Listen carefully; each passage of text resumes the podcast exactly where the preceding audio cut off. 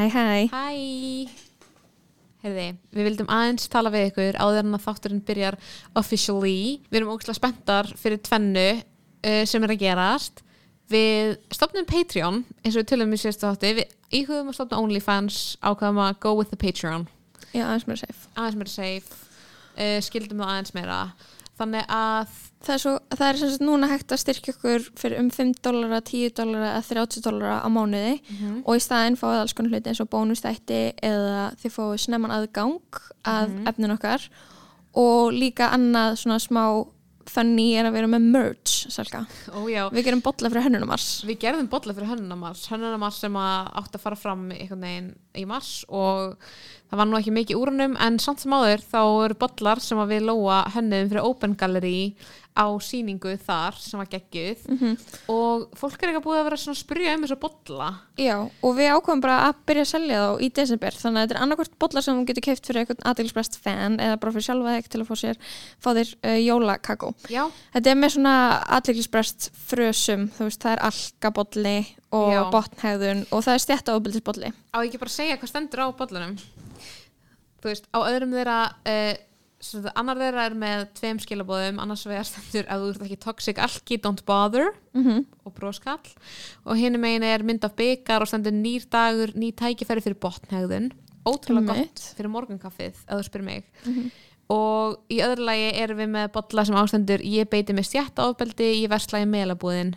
Og melabúða logoið þannig að já, og það sem er líka geggjað er sko við ætlum að gefa öllum sem skrási sem patrons uh, í desember fá 25% afslátt af Bollanum. bollanum þannig að endilega tjekki á þessu og við ætlum bara að vera að veist, taka við pöntunum á Instagram og eitthvað því við erum bara þannig gælur Já, það er bara flott. En uh, þetta er geggjaspennandi og introlægið okkar er geggjað. Já. Við vorum að fá introlag. Ástís Marja Viðastóttir, tónskald í Berlín og Aron, Aron Ingi. Albertsson Aron kærastinn hennar Æ, sorry. ok, En samt- en samt- kærustum En samt, skilur engin. it's true. Hann Mhm. er kærastinn Veitu, hennar. hvað var ástæðist að senda okkur að, Dissa Ronno. að hún var búin að dissa Ronno væri þeirra kombo Já, ég veit ekki alveg hvað sem að bera það þannig fram. Ástin uh, býr því margt fallegt en það fallegasta er þetta intro sem þau byggur til fyrir okkur og við erum ógeðslega ánað með og peppa fyrir að sína ykkur þannig að það er að fara að byrja til smástund og áður en við byrjum ætlum við bara að sjá þetta Ástis og Aron bara takk ógeðslega mikið fyrir að gera geggja intro fyrir okkur og svona kannski smá vara við uh, því, því að við tölum um opinskátt eins og vanalega tölum við opinskátt um allt sem okkur þetta er í hug en við förum aðeins inn á eitthvað svona svæði þar sem við tölum um aðeins um Me Too og í framhald af því Já. Já, við erum að tala sett uh, um þátt þar sem að umfyllunarefni er MeToo og kynfyrirsofaldi þannig að þú veist við erum alveg um, bara til þess að hafa í huga að þú veist að þú meikar ekki að hlusta þannig þá er það alveg svona eftir nokkra mínútur inn í þáttin erum við bara svona byrjar að tala frekar mikið um það. Og við viljum, bara, viljum að ykkur líði vel og, bara gefa ykkur heads up. og gefa ykkur heads up. Um, en ég held að þá sé bara ekki annað hvað segir maður? bara ekki annað í stöðinu heldur en að byrja þáttin Ekki Er það ekki? Herru, ok, sorry, þetta intro var það aðteglarspresti en ég elska það. Og við elskum ykkur endilega styrkja okkur á Patreon það verður úsla gladar uh, sendið okkur message eða þið viljið uh, kaupa bolla og við elskum ykkur mest. Bye. Bye. Um, Ok, beti, erum við að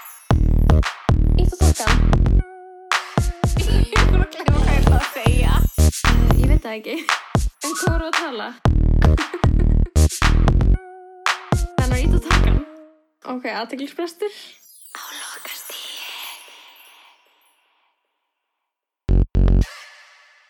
Jú, Jú, það komur. En að, já, það komur rekk. Æðislegt. Hæ Lóa, Hæ, Salka. hvað segir þið? Mjög gott. Velkomin uh, í þrið, nei, Annað þátt já, annan þátt. Annan þátt af, af þriðju seri af á lokast í. Já, og þetta er pínu óvennilegar aðstæður sem að við erum búin að koma okkur í hérna Mhm. Við- Samt smá skemmtilegar og við hæfi sko Já, þú veist, On við brand. einhvern veginn, það er on brand að, viltu útskýra hvað gerðist, Lóa? Já, ég bókaði ekki podcaststúdíóið uh, Bergþór Másson bókaði það Ég held ég væri með það og hann þarf að taka viðtal við ykkur tvo menn frá Akureyri sem geta ekki tekið upp á neinum öðrum tíma og hérna, ég fekk taugáfall en uh, okkur var rettað hérna, gestur, gestur okkar í dag rettað okkur podcastherbyggin í Advania. Já, gestur bara okkar, gestur okkar með ítök. Með ítök, í fyrsta lagi, það er gestur okkar líka ná skildur Bergþóru Másinni, þannig Já, að þetta er bara einhvern frekkana að hlaupa undir.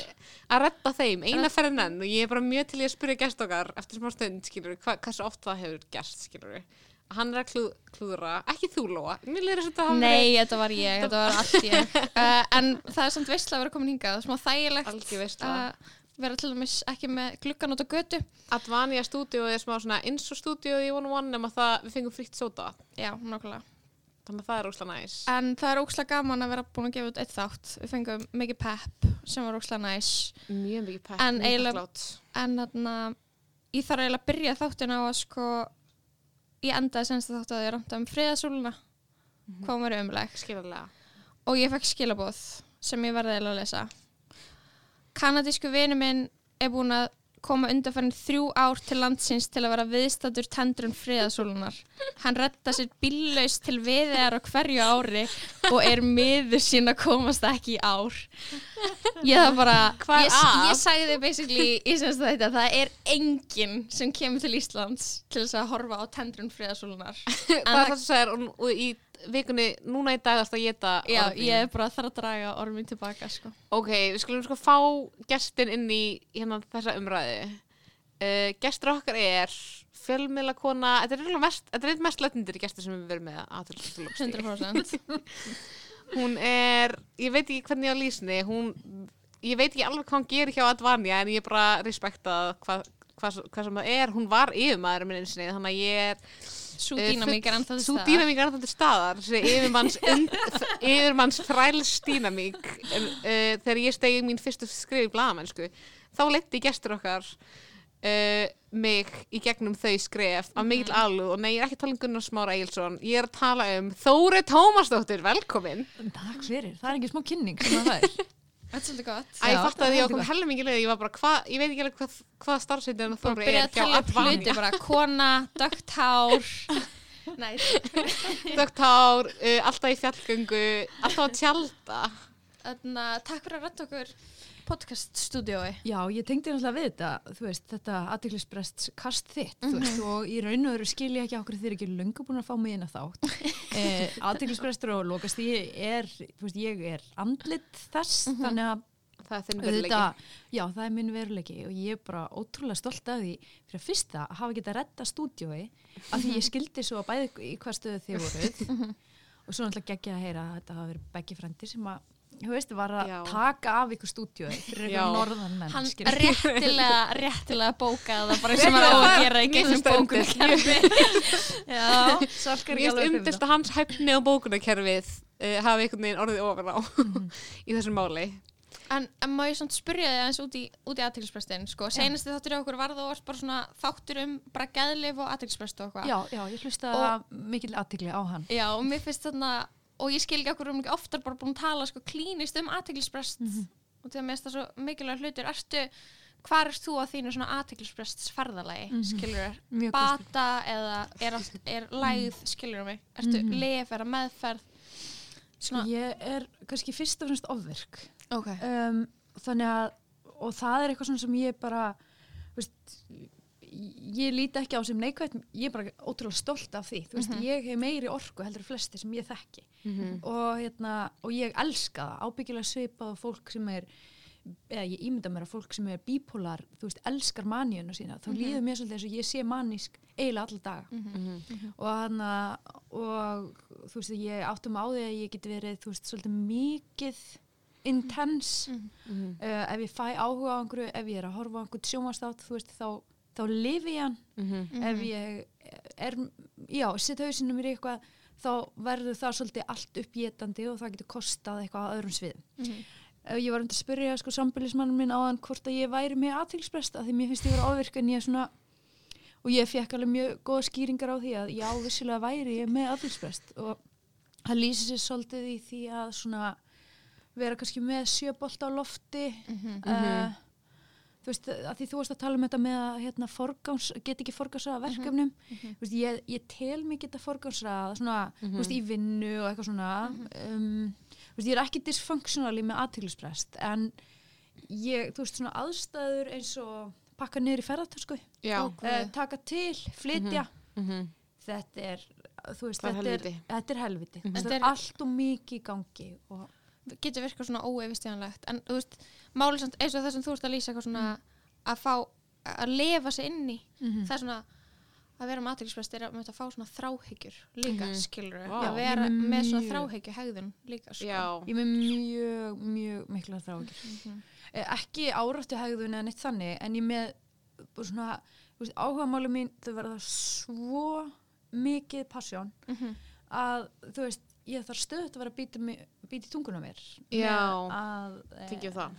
Já, Já, og þetta er einmitt smá svona þar sem, ég, þar sem ég og Þóra tengjum sko, mjög mikið, mm. því að þú veist, eftir að hérna, við erum að fá Þóra svolítið inn sko, sem sérfræðing í norrænu uh, skjáefni sjómasefni og þú veist, að því að við hérna, hefum oft tengt mjög mikið í gegnum að bara tala obsessively um einhver þætti sem vorum að horfa á og okkur finnst allir verða að horfa á núna. Eða það er bara ótrúlega erfitt bara, ég hef ekki geta, ég gæti ekki hægt að tala um I made destroy you í fimm vikur og það var orðið erfitt fatti, þú veist, það var orðið erfitt fyrir samstarfsfólk mitt að vera í einhvers konar samræði með mér þar sem að ég bara gati ekki slefti að nefna hann þátt.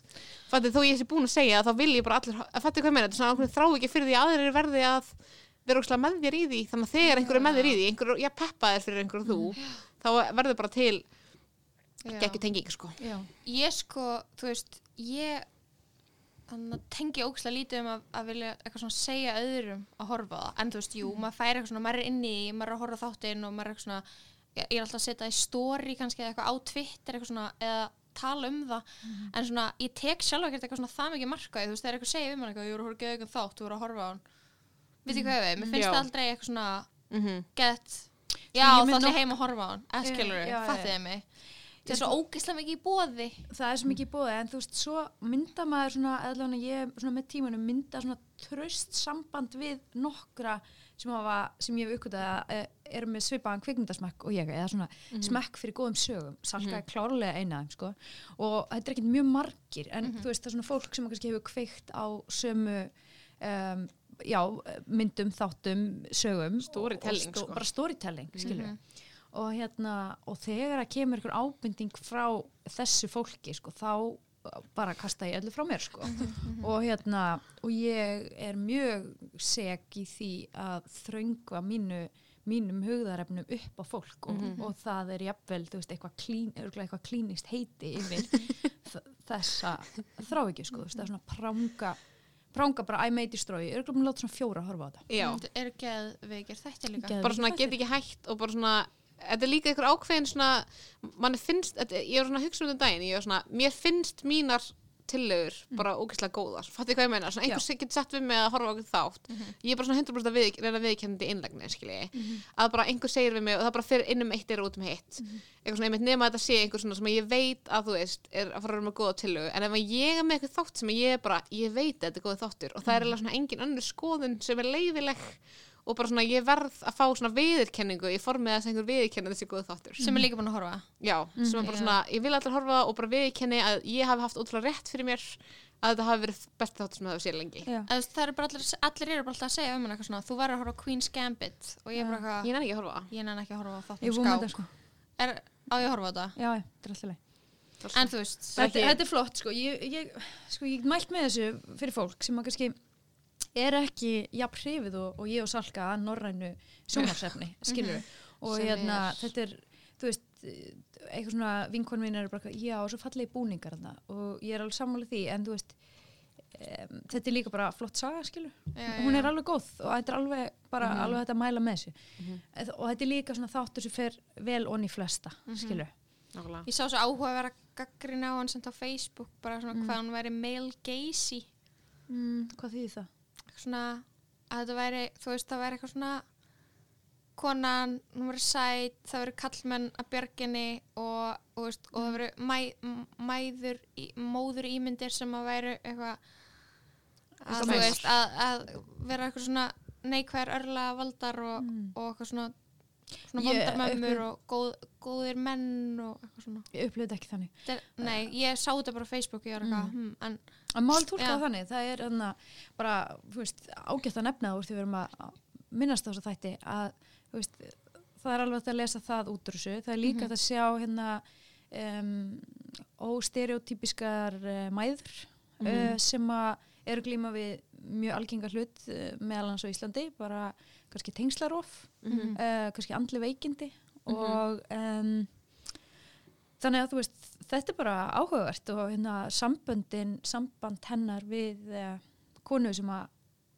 verður á síðari stigum móðurinnar er kannski bara hápunkturinn í þessari þáttaröð þannig að Mhm. ég er bara ekki sammálaði að hún sé ég minnst hún er mitt sína svona komplex eh, bæði hvern hlutverk, að hlutverkið mhm, og sidekickið sko já. þannig að ég er bara all for it sko ég er líka bara í einhverju stöðu að vera að repeat eitthvað, eitthvað Facebook status sem eitthvað svona Mhm. konu sem ég takk ekkert það vel gerði og Já, hún hefur rætt fyrir sér. það Þessi konu sem ekki- ekki það neitt. ekki Hún er eitthvað hálfviti.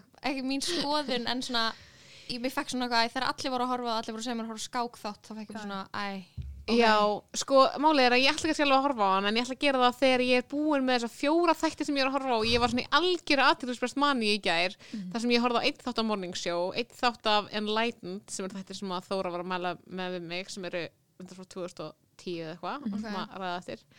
Og ég var að horfa á Borgen bara til að komast í stuð wow. Ok. þetta er alveg rosalega mikið þú veist, dedication, þú, þú ert í rauninu bara fjárfýstaðina í þremur alveg ótrúlega sterkur sögum, sérstaklega Já. Morning Show og Enlightened Já, og að vera að horfa á þetta svona á viksl salka, þú veist, þetta er Þetta var aðtiklisbrestur á já, þetta var- level. komið á ákveði lögastig sko, ég, er. ég sko, þú veist, ég byrjaði líka show í gær, þetta er náttúrulega Mhm. klukktíma langið þettir Mhm. og ég gat ekki hætt eftir fyrsta Mhm. og ekki eftir annan Mhm. og heldur ekki eftir þriðja út af því að það gerist alltaf eitthvað í lok þáttar Mhm. ah, það er svo óþjólandi að gerist eitthvað í lok þáttar að svona ertu eitthvað svona, ok, what the fuck hvað ætlaði að gera núna Og í þú varst að tala um eitthvað svona óstereotypiska konur og eitthvað svona að, þú veist, ég fór að hugsa í gær uh, fekk ég svona var ég, ég var svona endur tekið að hugsa um þú veist, Jennifer Aniston og Reese Witherspoon, Mhm. hvernig konur þær eru Mhm. og bara svona eiga geðveikt erfitt með að spekla mig í þeim Já. og vera bara eitthvað svona bara út af því að sko en á sama tíma myndu er mig alveg á ykkur konur sem ég þekki Mhm. en þú veist, þær eru svo ákveðnar þær eru ekkert að reyna að vera mjúkar í rauninni, skilur nema þegar það er kveikt á kamerunni og þær eru að vera TV-presenters þær eru bara uh, ég, ég, vissi ekki alveg svona veginn hvernig þú veist, hvernig ég geti tólka er það eitthvað svo ég veit ekki hvort mér fannst það raunverulegar ekki en mér fannst það kannski raunverulegar fyrir eitthvað bandarískar konur Mhm. já, Þú veist, ég já, þekki, þú veist, ég vann fyrir nokkrum árum, vann ég með bandarískri listakonu Mhm. sem að kom líka svona fram, já. sem kemur inn af svona hörku og þú veist, út af því að þú veist, hún mætir mæt, mætir eitthvað svona mótlæti Mhm. og mætir eitthvað svona feðraveldinu, þá ætlar hún að fara í feðraveldið bara afskilur hún ætlar að vinna hún hún ætlar að vinna bara að vera meira dominant, meira assertive, ákveðnari bara reyðari, blóta þú veist, eða, Mhm. þú veist fyrst, ég horfði náttúrulega bara á fyrstu þrjá þættina og meðan þær báðar, þær eru báðar náttúrulega bara gett hugrakkar, Mhm. skilur við en maður er bara eitthvað svona, þú veist, þær eru alltaf í bara svona einhverju, einhverjum hvað maður að segja, já, uh, átökum. Já, bara við alla. Já. I don't know, ég veit að þetta er ekki það sem morning show er endilega um, það eru með Me Too þriðju bylgu, Mhm. já, það er samt einhvern ég veginn veit það ekki. það er svo áhugavert að það er ókslega mikið af mismunandi sjónarhörnum og núansum, í þessum þætti og það er svo áhugavert að horfa á fólk. Það er svo áhugavert hvað umræða hefur orðið til í kjölfar MeToo mér finnst það gett áhugavert, ég var að hugsa eitthvað svona þegar þú horfir á morning show þá hugsaður svona já, ég held ekki það mikið með uh, stöðinni sem ákvað að reka gæjan til þess að retta sér. Það er ekki endilega hetjur eða fattu hvað ég minna, það er orðið svo núansera því að þú veist, auðvitað ættum að vera bara já, þau gerðu það rétta, en maður veit að þau gerðu það út af einhver almenningsáliti en ekki að þið þau, þú veist, tóku einhver siðferðislega ákverðun fyrir þú veist, einhver, út frá einhverjum siðferðisstandard eða prinsipi, já, svo maður með þú veist, einhver Jennifer Aniston sem að þú veist, vissi alveg að eitthvað væri í gangi eitthvað misjamt væri í gangi Æ, hún þú er svo mikið Og Við verðum að taka sko hérna smá brief á Já, um hvað við erum að ég tala. byrjuði að tala ógæslega langt inn í eitthvað sem að enginn er kannski búin að að bakka sorry, já, þurfum við ekki að bakka. Morning show. Uh, Morning show. Já, Já. geggjaði þættir uh, úr smiði, er það ekki úr smiði Rís Jú, líka? ég um. Ég þú er ert búin að horfa alla, Ég er búin að strauja þetta Ég er sko, bara búin að horfa þrjá, þú ert búin að horfa einn og þeir fjalla sagt, um sagt, hvað gerist, þeir eru að byrja á því. Þannig að það er engin spoiler að sagt, Steve Carell og Jennifer Aniston leika svona uh, Co-anchors. ekki, kynna co-hosts. í svona mor morgunþætti. Já, bara svona einum vinsalasta morgun þetta vinsast á morgunþætti. Og þú veist, við erum alltaf ekkert erum ekkert beint með þessa morgunþáttar menningu líka. Mér finnst það mjög áhugavert því að þetta er bara svona þættir, allir bara vakna á mótnana og eru að borða morgumat og með kveikt á þeim einhvern veginn. Já, Já. þau eru orðnir svona heimilskettir inn á sjónvarsheimilum eða þú veist inn á, inn á heimilum bandarískra uh, svona meðal fjölskyldna og, og fólks. Og þe- þessi tvö þú veist, þau, þau leika svona rullu sem að við höfum þú veist eh, sem er alltaf verið að búa til. Það er sem sagt svona dýnamík millir karls og konu og þú veist þau eru að leiða svona já bara að búa til svona TV hérna chemistry og hérna og hún vinkona mín Elsa Maria uh, Jakobsdóttir bendi mér á að því við vorum saman unnum í Kastljósi í mörg ár. Já, og það er svolítið gott fyrst að því við hérna áttum mjög miklu love-hate eh, sambandi við það að vera í sjónvarpi vorum náttúrulega alveg kortnungar og vorum í þessum daglega sjónvarstætti og, og bæði þar og í öðrum sjónvarstáttum bara á þessum tíma, ég held að þetta sé að líðandi lok, það voru svona, veist, Karl og kona, presenters uh, vel útlítandi uh, veist, og þetta er bara uppskrift og formúla sem að, þú veist, er í raun sögusvið The Morning Show. Já. og svo fjallar þetta um, um hvað ég var að segja, þetta er fjallar um vinnustafkultúr og allt það hérna, þetta er ekki endilega þættir um kynferðisofbeldi, heldur um menningu og um svona uh, mörk og það hvernig svona uh, einmanniska í þessu tilviki Karlina í, í þessu pari er uh, veður yfir mörk um, margra hvern samstarfsfélaga sinna og um, svo nær það ákveðnum svona ákveðnu hámarki og, og svona spilaborgir hrinur eða ekki spilaborgin heldur svona þetta verður óumflýjanlegt umfjöllunar efni í þessum á þessum vinnustaf sem að, þar sem að menningin hefur viðgengist í rosalanga tíma og svo allt í hennu bara já er allt í einu, já, þetta er ógslag áhugavert. Að því að mitt allt í einu þá er regluna smá búin að breytast. Þetta er eitthvað svona dæmið sem að hann er búin að nota sitt vald svona til þess að, þú veist, svo hjá konum sem er náttúrulega bara eitthvað sem hefur verið gert. Ég er samt ekki, það er samt eiginlega ekki búið að koma í ljós á, í þriða þættin nákvæmlega hvað Hvað hann gerði. nei, nei, nei, og það er, eitthvað- þú veist, það er líka ég er bara búin að fyrsta sko. Já, þú veist, það er líka maður er leita svolítið mikið við það, skilur að vita að einhver gerði eitthvað ránt, veit ekki nákvæmlega hvað en maður er eitthvað svona en vita að maður vill vera réttu megin við það. Maður vill já. veginn en svo, þú veist, já, svo En- er þetta svo ógæslega stórt. En þetta er bara svona einn af þessum geggjað þú veist, þessum mörgu, sko, Reese Witherspoon þáttum sem En- the Reese Witherspoon canon, sko. Já, og hún er náttúrulega líka, þú veist, alltaf að búa til uh, bitastæð hvern hlutverk, þú veist, Já, já, eitthvað sem að er ekki bara stereotypist heldur, heldur svolítið flókið, þú veist, það er ekkert eitthvað góður, vondur, svartur, hvítur, þetta er- þetta er eitthvað allt annað. ég, eins og mér varst bara skína mjög mikið gegn þessum þáttum. Já. og mér finnst það líka ekki bara vera um eða þú veist, ég hug eða þú veist, ég veit ekki, jú, Me Too er kannski sögusvið, skilur, eða Me Too er eitthvað svona þráður í þessu, mér finnst það líka bara vera um bara eitthvað svona, eitthvað svona lagskiptingu, stjættaskiptingu eða hýrarki í fyrirtækjum bara svona, Já, já, það sem hún segir við já, það sem hún segir við þennan og segir eitthvað allt annað við næsta eða undirmanninn og þú veist, mér finnst en, eða er enginn sem er eitthvað ná að vera einlægur eða hreinskilinn og er allir í eitthvað svona í leik. leik til þess að þú veist mér finnst það geðist áhugavert. Já, það er líka svona, þetta er líka kúltúr sem hefur verið til umræði í öðrum sjónvastáttum sem eru að koma út á sama tíma og er svona bara, þú veist, þetta uh, sjálf og umhverfi bandarískra sjónvarpstöðva þar að segja, þú veist, hva, á hvað svona yfirflata þau er að dreipa og hérna og þannig að, þú veist, það, það er eins og það sé líka hrinja í þessum þáttum. Og ég get nefnt sem dæmi eh, önnur þáttaröð sem tengist þessu mjög mikið og ég held að ég geti átt gamna að ekki sé það nú þegar sem heitið The Loudest Voice og fjalla um uh, manni sem stopnaði Fox News mm -hmm. sjónvastöðuna og uh, Ro uh, Roger Ailes heitir hann og þetta er sannsögulegir þættir, ógæslega vel leiknir og hérna Sienna Miller og Russell Crowe leika aðluturkinn þar geggja drama um Fox News og allan viðbjöðum sem þar uh, hérna, viðgegst því þar voru þetta bara svona, bara svona um, stereotypist me too uh, bara svona 80s dæmi þú veist kallaðni rassanum rassana á konunum og, og það var náttúrulega gerð mynd um, um það sem fór ekki sérstaklega hátt annum daginn. Einmitt og það er kannski, ég man ekki hún heitir þarf. Já, en það er kannski líka svolítið aðtekilsvert að þessi þáttaröð um, The Loudest Voice.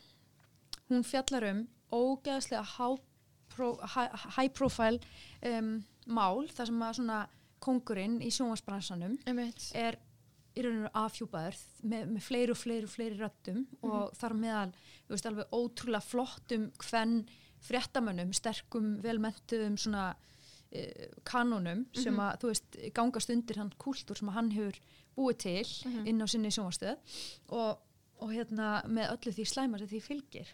Og þessi þáttaröð er skrifuð á konum. Bíómyndin sem að var gerð, hún er Bombshell heitir hún. Bombshell, hún er mm, svona, hún er ekki með jafn áhugavert handrishöfunda teimi fyrst mér. Já, þannig að hérna getur verið eitthvað þar sko. En þetta, er, og þetta er líka óhjákvæmilegt uh, þým í Succession Já, við elskum Succession sko. Sturlaðir þetta er. Minna mig, þú veist, morning show minna mig á Succession mjög mikið, sko. Það er þetta bakt En- til það makk og þetta fárulega Einhver svona toppar á okkur fyrirtækjum bara og fárulega leikur sem er í gangi sem snýst eða ekki um það snýst um svo Bara völd. völd og peninga ósýnileg völd og líka oft eða þú veist ósýnilega peninga sem að fólk er að reyna að skiptast á En þú veist, það sem ég ætlaði að googla í gær en gæti ekki að googla þá til ég horfði bara alltaf á næsta þátt og næsta þátt og sofnaði síðan er, er bara, er þetta byggt á þú veist, var eitthvað morning show par sem þú veist, fór svona fyrir eða er þetta algjör uppspunni morning ég show? held að þetta sé, þetta er bara skrifað sem drama. Já. en þú veist mig grunnar að þetta sé byggt á einhverju. Ég, ég bara veit það ekki. En hérna en það er eitt við The Morning Show sem mér finnst eiginlega svona gera þá dýbri heldur en Loudest Voice og kannski Succession á einu sviði. Og það er að um, gerandin eða sá sem að er sakaður um að hafa verið svona óviðandi uh, sem er leikina Steve Carell meistaralega Geggjaður. vel. Oh my god, so oh my god Já. sko. Uh, hann og Jennifer Aniston sem að stýra þessu morgunþætti þú veist mm, hann er líka svo rosalega elskaður af samstagsfólki sínu. Og það er það sem gerir þetta allt svo flókið að veist, hann, hann á bæði þá hlið til Já. og síðan er hann hrókur alls fagnaðar, hann er sá sem býr til góðstemninguna, hann er sá sem sér fólk sem hinn sjá ekki.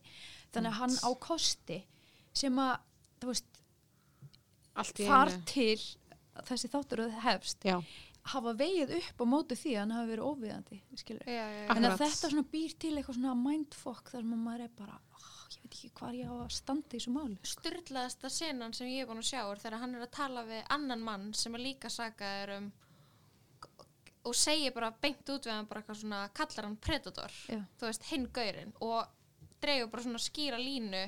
Hún vilja sína hans. Já, og mér finnst gett áhugavert að horfa á kallmann vera að reyna að leysa úr þetta er það sem, það er, það sem er búið í gangi senstu ár núna í kjálfanum í tó er eitthvað svona strákar og kallar að reyna bæði, náttúrulega mjög margir eitthvað svona sem eru bara eitthvað pro me too, en líka ógeðslega mikið af gaurum sem eru bara ekkert ánæðir við það sem er búið að gerast, skilur við, horfa á þá einhvern veginn, hann eitthvað að hann ætlar að taka, taka umræðina hann ætlar að gera eitthvað bók eða gera eitthvað mynd, mm skilur við en þú veist, þetta á sér svo margar hliðstæður úr raunveruleika okkar bara að. Jón Baldvin Hannibalsson Já. og fleiri félaga sem að ætla bara alltaf einhvern veginn að grípa í það að þeir séu mælskir og, og bara hamra á liklaborðið sinni einn sannleika. Mm og líklega þú veist trúa því samt að þú veist að þegar þú hugsaður um bara ég heldur trúið því raunverulega að þeir eiga ekki skilið. Þó að þeir Þetta. veiti hvað þeir hafi gert sjálfir að þeir trúa því svona raunverulega að þeir eiga ekki skilið að Þessar verða fyrir afleðingum þú veist ég held að það sé líka ég er líka ógæslega mikið búin að pæla í því bara þegar þú veist alls svona umræða á Twitter alltaf um eitthvað svona hvað má og hvernig þú veist og það er svona svo áhugavert að pæla í þú veist, afleðingum, ég held að afleðingar sé eitthvað svona sem að okkur finnst þess að enginn eigi skilið ógæslega oft, skiljið hvað ég menna Já. mér finnst ógæslega oft eins og svona þegar við erum að tala um einhver hafi verið rekin fyrir eitthvað og eitthvað svona að veist, umræðan fara út í eitthvað svona hann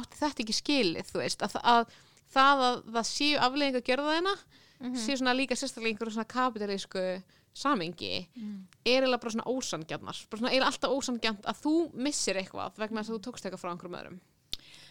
Skiljið hvað ég meina? Já, ég held líka þetta, þú veist, ég hef alveg fjallað um mál þar sem að menn hafa klálega gert eitthvað á hlut uh, til dæmis hverna uh, sem hafa upplifað það sem þeir gerðu sem nöðgun Mm eða bara óbeldi og það sem að kom mér á óvart var þegar ég sá glitta í mennsku mannana sem að gerðu það Mhm. þetta er ekki margi menn sér að tala um en þetta er svona mál sem ég hef fjallað um í fjölmjölum Mhm. og þegar ég átti að á því að þeir áttuðu sér ekki á því að þeir hefðu gert neitt rámt að þeir voru í góðri trú Mhm. uh, og töldu sig ekki vera að gera neitt rámt og Mhm. þar verður til eitthvað svona fokk hvað er að byrja Já. þú veist, hérna þeir voru bara eitthvað að spila þetta eftir þeim leikaraglum sem þeir held að vera lægi Mhm. það ætluðu kannski ekki að meiða neitt og þeir, það, já, það skilur okkur eftir á svo mjög confusing stað Já. skilur við að í eitthvað svona veist, í afleggingunum eða þú veist, í Já. eftirmálunum eða þú veist, eða hvað við gerum við þessa kallmenn eða hvað þessi kallmenn gera við sig Mhm. ef, að, en ef svo, við trúum því einstinni að þeir hafa ekki vitað að þeir var að gera neitt rán Já. svo er þetta líka þú veist, ekki bara karlmenn og konur þú veist, Nei. í heiminum er til ymslegt fleira og það er Mhm. líka til um, menning sem að heimilar ákveðna Hægðun. hegðun ákveðna ákveði hýrarki eins og Mhm. til dæmis í sjómarsbransanum í bandarækjunum er þetta mjög skýrt það er auðvitað, þú veist, me too auðvitað hefst með Mhm. falli sko Harvey Weinstein sem er í raun og veru alveg eins og Roger Ailes á Fox News að mörgu leiti, þú veist, hann er bara svona notorious raðnöðgari skilju, Mhm. en það er ekki það sem við erum að tala um í í þessum þáttu sem eru miklu nær okkur og það, þú veist, dæmin sem við þekkjum svona íslensku vinnustöðum svo leiðis, það myndi ég segja að vera miklu viðkvæmari, flóknari mál þar sem að, þú veist um, jáfnvel mjög likeable manneskja Mhm. þú veist, gerir eitthvað á einhver, einhver hlut og svo eru karlar og konur sem að viðurkenna þá hegðun. Skilji, og það er kannski Nákvæmlega. það sem við erum að sjá í Morning Show líka. Þú veist að hver, hvers mikil þáttakandi var Jennifer Aniston í að viðhalda þessari menningu sem síðan er afhjúpað þú veist, það er líka nafla skoðun hennar í þessum þáttum Mhm. sem er ótrúlega áhugaverð eiginlega áhugaverðara sjónarhótt á þessi mál heldur en þú veist það sé einhver að gera eitthvað á hlut annara skilju Já, nákvæmlega. það er svona meðvirkni eða eitthvað. Þú veist, þetta er eitthvað svona, þú veist, mér finnst þetta svona eins og Me Too hafi svona byrjað á mjög svona polariserðum nótum og þú veist, auðvitað er ógslag mikil polarisering í umræðu almennt núna, þú veist, á Já. netinu og alls konar, en mér finnst samt eins og við höfum, við séum byrjuð að geta talað um þessi gráðursvæði, mér finnst þess að fleiri og fleiri séu svona einhvern veginn, þú veist, eftir Me Too og eftir við töluðum um þetta og eftir við fórum að ræða hvort að þessi og hinn væri cancelled að því hann gerði þetta einu sinni, mm. Að þá við alveg að komast á eitthvað stað þar sem að við getum bara aðeins talað um bara já ok, það eru til grá svæði þar sem að manneskja er í alvörinu bara aln upp í þessu samfélagi, þú veist, sem við erum all aln upp í. Og við vitum alveg, þú veist hvað hefur viðgengist, við vitum hvað hefur verið leift innan gæsalappa og það þarf að breytast og við þurfum að átta okkur á því að það er ekki fara að gerast eitt í nóttu og að hérna, þú veist, við þurfum einhvern veginn að ræða einmitt, þessi svona vægari áreitni, alla þessar hluti sem að við höfum einhvern veginn haldið að sé sjálfsæðir hlutur á þann hátt að það sé eitthvað sem fylgir því að vera kona. Fattu þið hvað ég menna og þú veist að færa einhvern veginn ábyrðana yfir á þú veist nei þetta er ekki eðlilegt og þetta á ekki viðgangast svona, en ég held alveg við séum að þú veist mér finnst alltaf eins og að sé að verða meiri og meiri núans í þessari umræði bara svona á einhverjum svona bjart sínum nótum í sambandi við þetta að, mm. að það tímabilið það var þetta svo ógeðslega svart útlitið var svo svart bara svona vorum bara að fretta að fleiri og fleiri einhverjir elskaðir og dáðir einhverjir þú veist, menn úr einhverjum brönsum, menn og konur skilji, þú veist, væri bara að misnóta valdi sitt. Og einhvern veginn, já ég veit það ekki. Ég er bara að hugsa hver svona framtíðin er veitir, þú veist, hvert þessi umræð er að fara. Já, ég held nefnilega að þetta sé svolítið, þetta er það sem mjög svona áhugaðurast við þetta, það er ekki bara það veist, við erum, það er búin að koma svona alda af, veist, afhjúpunum veist, þessi vondur, þessi vondur, þessi vondur. En þú veist, það er úrslega hættulegu staður að vera á, sko, við getum ekki bara sagt þessi maður er vondur, hann hérna er búin að áreita svona svona marga og við skulum aldrei tala hann aftur. Þú veist, það er kannski eðlilegu staður fyrir þá sem eru nákomnir og hérna hafa orði fyrir. Það er ágætis staður fyrir þau að vera á í einhvern tíma, en síðan verðum við bara einhvern veginn að læra að lifa í samfélagi þar sem að veist, ákveðin menningu við viðgengist og við þurfum bara eitthvað að move on, skiljið mig. Og hérna fólk verður að fá að vera til og það verður kannski að fá að eiga séns á að og þú veist, ég er ekki að tala um barnanýðinga en það skilji, ég er að tala um bara fólk sem er gegnsýrt af, af einhverju menningu sem bara Carell típan. Já, bara Steve Carell típan, þú veist, um, er ekki bara best fyrir alla að hann, þú veist, mæti einhverjum afleðingum en hann fái líka einhvers konar leið inn eða eitthvað. Leið til að að læra að vera betri. Já, En, en, ég held það sem við sem ósamála um sem svona samfélag, fattu, Já. er uh, hversu slæmt þarf það sem hann gerði að vera Mhm. til þess að hann eigi afturkvæmt já, það hvernig er eru ekki afleðingarnar, hver eru afleðingarnar hversu langur tími þarf að líða og hver þarf að samþykja það? þetta er svona, þetta er ekki, það er ekki búið að koma neitt í ljós nei. Nei. Þannig að ég var á einhverju málþingi og plötuð til þess að tala á einhverju málþingi hjá, held ég, einhverju húmanista félaginu eða eitthvað okay. um nákvæmlega þetta bara, hérna má, ég man ekki hvað þetta hét eitthvað má elska nýðinga eða eitthvað Ok. okay. var yfirskriftin Úf, Nei, og þetta Heavy var. Að var Þóra. Tómastöði mættust Já, ég var mættur þannig, ég, hvað reyndar ekkert Oh eitthvað ég vissi ekki alveg hvaða dæmi ég ætti að taka en ég ákvað að taka, þú veist um, mitt go-to efni í þessum málum er uh, Bill Cosby Mhm. af því að uh, þú veist maður sem er bara uppvísa því að hafa veist, verið algjör hrotti við ótrúlega marga konur. Um, hvað á að gera við þessa mannesku hvernig getur við, þú veist, er, í lagi að aðgreina listans frá, frá manneskunni þú veist, getur við ennþá hort á Cosby Show? Og Bill Cosby var sko ótrúlega flottur íþróttamæður hann er hérna úr svartri fjölskyldu sem að veist, var svona mikið grín á heimilinu og hann eh, samhliða svona mjög flottum íþróttaferli er farin að skrifa svona stand-up og hérna og kemur svo svona framfæri á einhverjum börum með stand-upi. Og, og svona smátt og smátt þá liggur leiðans inn í, í grínskrif og hérna og hann skrifar þætti sem að hann er yfirlega alltaf að sækja sitt grínefni til mjög svona hverstasleira aðtapna á heimilinu, þú veist svona sískinarígur og þú veist eh, hver tók tampustan og bara eitthvað svona hverstaslega dæmi sem algjörlega óháð stjætt, stöðu og öllu eh, er eitthvað sem við eigum svona flest sammeilegt sem að auðlust upp í einhvers konar fjölskyldum.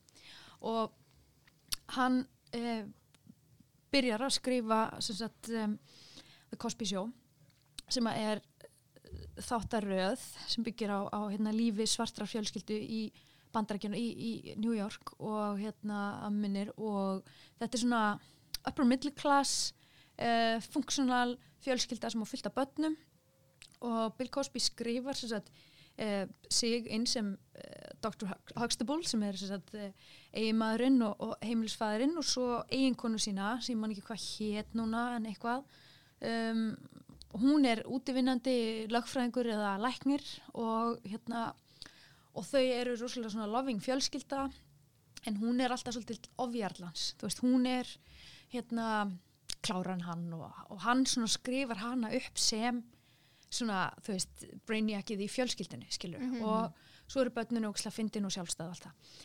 Þessi þættir voru síndir á primetime í bandarísku sjónvarpi á uh, við bara mestu undirtektir sem bandarískt sjónvarp hefur séð. Í 5 eða 6 ár þá gekk þetta bara og var vinsalasta sjónvarsefnið og þetta hafði þau áhrif að svart fólk í bandarækjunum hafði aldrei séð þætti um sig og sitt fjölskyldulíf sem að líktist þessu. Þeir höfðu fram til þessa verið eh, sakamenn, verið glæpamenn, þeir hefur verið þrælar, þeir hefur verið svo margt annað heldur en functional loving fjölskylda með bara, þú veist, bara ven, venjuleg, bara next door fjölskylda. Og þetta breytti algjörlega ímynd svartra. Og við erum að tala um þú veist, the 80s og 90s á þeim tíma sem að þú veist, um, er verið að sko fjölda fangelsa svart fólk, það er verið að þú veist, ráðast á þeim úr og, og skerða réttindi þeirra náttúrulega bara, að, þau hafa alltaf verið skert, þannig að þetta hafi ótrúlega mikil áhrif og ef við fyrir síðan stökkum síðan fram í tíman og gefum okkur allt það sem við vitum um Bill Cosby í dag uh, hvernig verður þetta reiknistæmi? Má okkur þykja vænt um það sem hann lagði til Mhm. skiljið mig, samfélagsins og, og sjónvars yðnaðarins af því að mér veist mér að þættinir eldast ágætlega sko, þú veist, þeir eru aðgengilegur á YouTube margir hverjir og þeir eru bara fyndnir sko, Mhm. þú veist ég var alveg sé fyndnar efni en þetta er bara, þetta er bara eldist ágætlega. og horfður á þetta á sínum tíma Já, þetta var svona, þú veist, það sem er í sjónvarpinu á lögutum þegar ég var krakki sko. já, þetta komst alveg almennilega til Íslands Já, já, og var bara, þú veist, fyrirmynda fadir þetta Var þetta ekki á stöð 2 um helgar eða eitthvað? Eða Ég Stöð ekki. eitthvað? ég nefnilega hef aldrei síðast að þetta Nei, ekki heldur. þannig að, þú veist, eitthvað svona í tilvíkinu það sem að þú ert ekki sjálf uh, einhvern veginn invested í manneskjunni Mm. Þá verður er- þetta ekki confusing fyrir mann en Já. svo strax svo einmitt maður er aðdáðandi Mhm. eða fjölskyldumælumur eða eitthvað Mhm. þá þá maður að fara að svara eitthvað svona spurningum og þú veist, ég, ég, þú veist, ég veit ekki hvernig reiknistæmi er, skilur við Nei, en líka Engan bara veginn. því að þú veist, það er líka áhugavert að pæla í því er eitthvað svona, ef einhver hafði eitthvað jákvætt framlag til einhver samfélags á einhverjum tíma og svo hefur bara svona brjálaðislega neikvæð áhrif á en svo líka, þú veist, aftur ne- neikvæða áhrif á setna fyrsta lagi líffjölda kvenna þetta. Og í öðru lagi uh, ímynd þessa svona föður veist, þessa föður ímynd eða þú veist, bara svona algjör ímynd sem að bara svona hrinur út af því að hann er það algjört svona dæmi um successful, þú veist mann sem er, þú veist, successful svartu maður sem að nær ógeðslega langt býr til ógeðslega gott efni og þú veist, svo mynd hrinur líka alveg og hefur þá aftur svona neikvætt baklas á- þar, á þá, það líka. þá kemur við, komum við líka inn á það að sko, sem ég veist eða áhugast við, að- við hann er að, þú veist, væntalega hefur hann bara verið eða er bara sósjópati vegna þess að, þú veist, Ah. í þessum þáttum það er hann svo mikið að skrifa um rétt og veist, þegar börnin hans er að komast það í hvort þau er að ljúa hann um þau er að drekka áfengi fyrsta skipti eða hvort þau er að segja sannleikar, þú veist, þetta er allt svona Mhm. hverstaslega, siðfyrirslega spurningar sem að Nákvæmlega. fólk er að velta fyrir sér. Svona uppeldi skildi uppeldi skildi, nákvæmlega fjölskyldu gildi og eitthvað svona. Og hérna og hann er einhvern veginn, þú veist að skrifa þessa þætti sjálfur hann veit munin og rétt og röngu hann er að setja það fram í rosalega flottan búning, auðskiljanlega búning sem öllum fyrir að þykja væntum og síðan er hann bara að nauðga konunum sem er að vinna með, með sér Já, og þetta er bara sinister. Þetta er svo ívil Já, og það einhvern veginn gerir þetta úsla flókið. En uh, þú veist og auðvitað átti hann bara að fá sinn dóm og allt það. En mm. þú veist, hvað eigum við að gera við þá sem eru uppvísir á svona? Eigum við að, þú veist, útiloka frá samfélagi manna? Eða erum við búin að búa til eru þeir afurð af samfélaginu Mhm. mm skilji, mér finnst það alltaf að vera líka eitt sem við verðum að þess að hérna, átt okkur á því að þegar að menn komast til svona mikill að metorða þá fá þeir það sem að heiti bara óvéfenglegt vald Já. Mhm. og það hefur við séð bara innan kaðolsku kirkjunar, það hefur við séð innan, þú veist á vistheimilum og Íslandi, það sem að einhver einn stýrir og misnotar það vald af því að það er enginn að fara að véfengja það Mhm. En þú veist, þetta, þú veist, ég hugsa mjög mikið út af því að ég náttúrulega byrjaði, við byrjaðum þess að morningsu umræði á okkur svona randi frá mér um þátt sem við vorum ekki alveg búin að útskýra.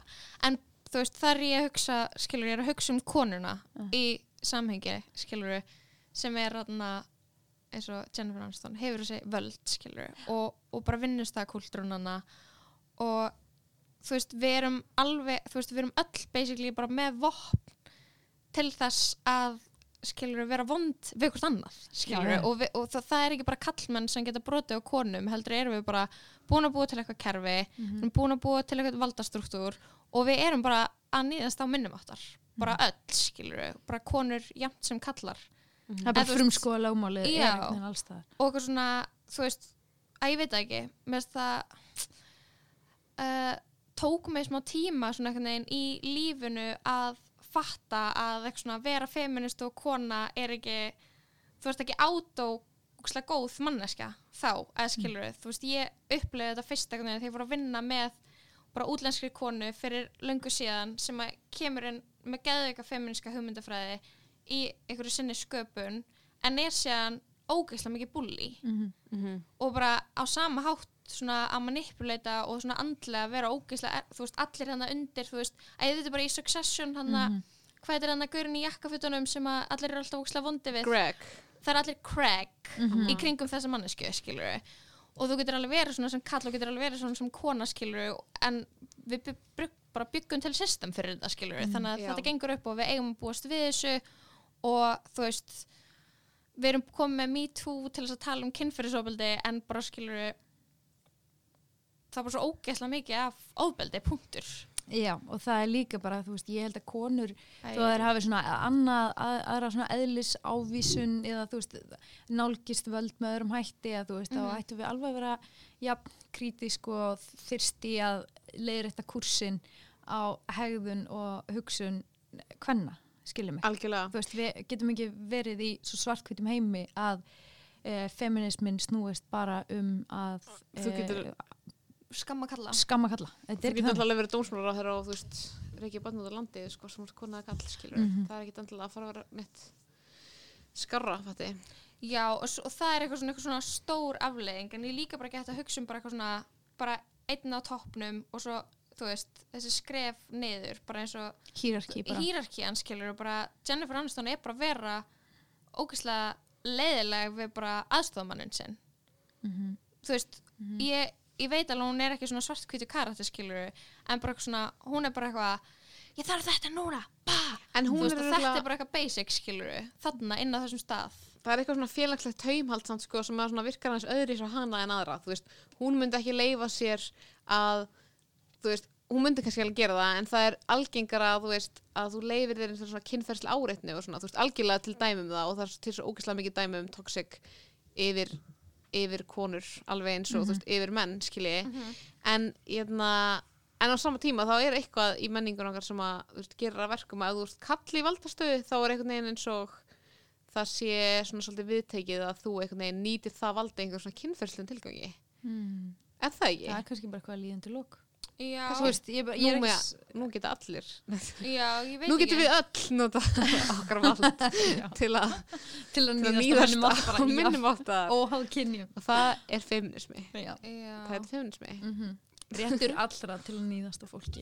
Ég líka, þú veist, og þegar við erum aðeins tala um, veist, sex work í þessu podcasti sem ég veit alveg er eldfim, eldfim Mhm. subject og þú veist, maður getur alltaf bara að tala um það út frá svona sínu sjónameði og svona, fólk kannski veit oft eitthvað meira um sex work heldur en ég, en það var svona út frá því að, þú veist, tala um kynlífsvinnu og þú veist, eitthvað svona post me too að vera eitthvað svona, þú veist það er svona margir kemur í samfélaginu þar sem að fólk vinnur eitthvað vinnu og er niðurlagt í vinnunni sinni og, og borga ógeðslega lág laun og lifi fátækt og skort sem að við kallum ekki ofbeldi Mhm. út af því að það hefur eitthvað með kynlíf að gera.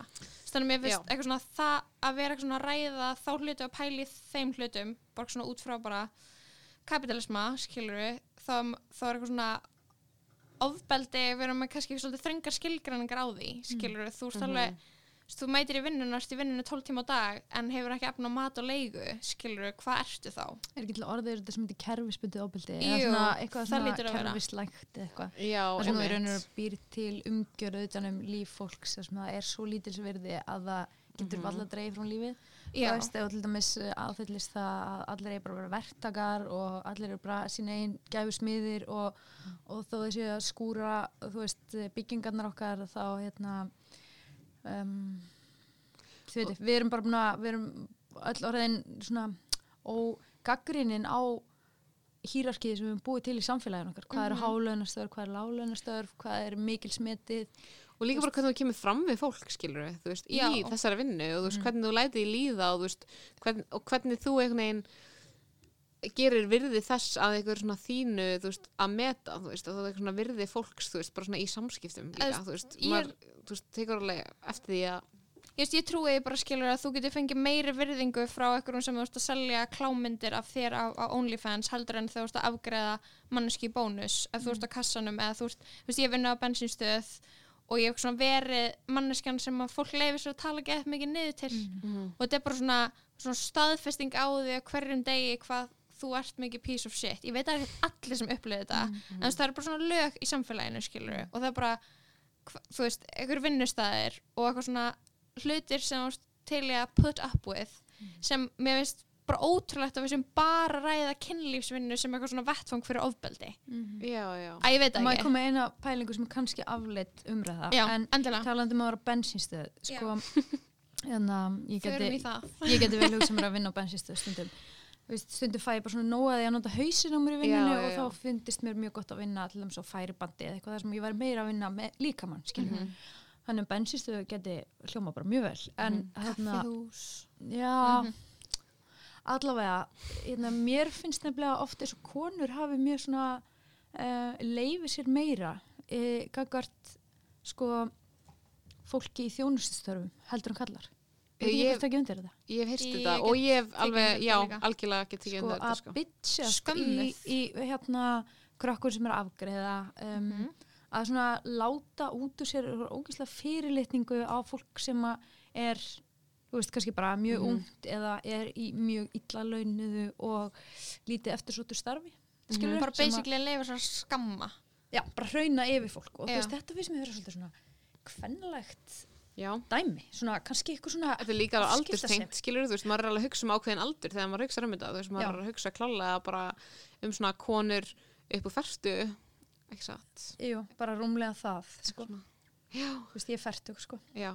ég myndi ekki það Þóra ferstu, hún myndi ekki gera þetta. Það er það sem við viljum að þið vitið, kæri hlustundur, ég er, verð svo oft skömmu sko. það er ekki saman sem myrkja vil þess að vera ferstu kona og gera þetta, því Þóra myndi ekki gera það. ég, ég er bara eitthvað, þú veist, ég hef verið skömmuð í sundi oft, ég hef verið fyrir að vera að tala eða eitthvað, skilur ég hef verið skömmuð í vinnunni líka og svona eitthvað bull, einhver svona Karen.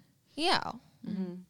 Og maður er eitthvað svona, og svo líka bara eitthvað Lóa er sko smá oft skömmuð alveg færi, líð mér. já, ég, ég veit ekki hvað er ég með eitthvað skammanlegt andlit en svo líka bara eitthvað þú veist, ég fór að hugsa um þetta eftir að ég las hana mjög stuttabók eftir Hooks um þarna feðravaldi á heimilinu eitthvað svona að við, eitthvað svona, við getum ekki tala um eitthvað svona verðum að tala um ofbeldi mæðra á börnunum sínum Já. innan heimilis Mhm. þegar við erum að tala bara um bara feðraveldið og bara skilur og samfélagið okkar Já.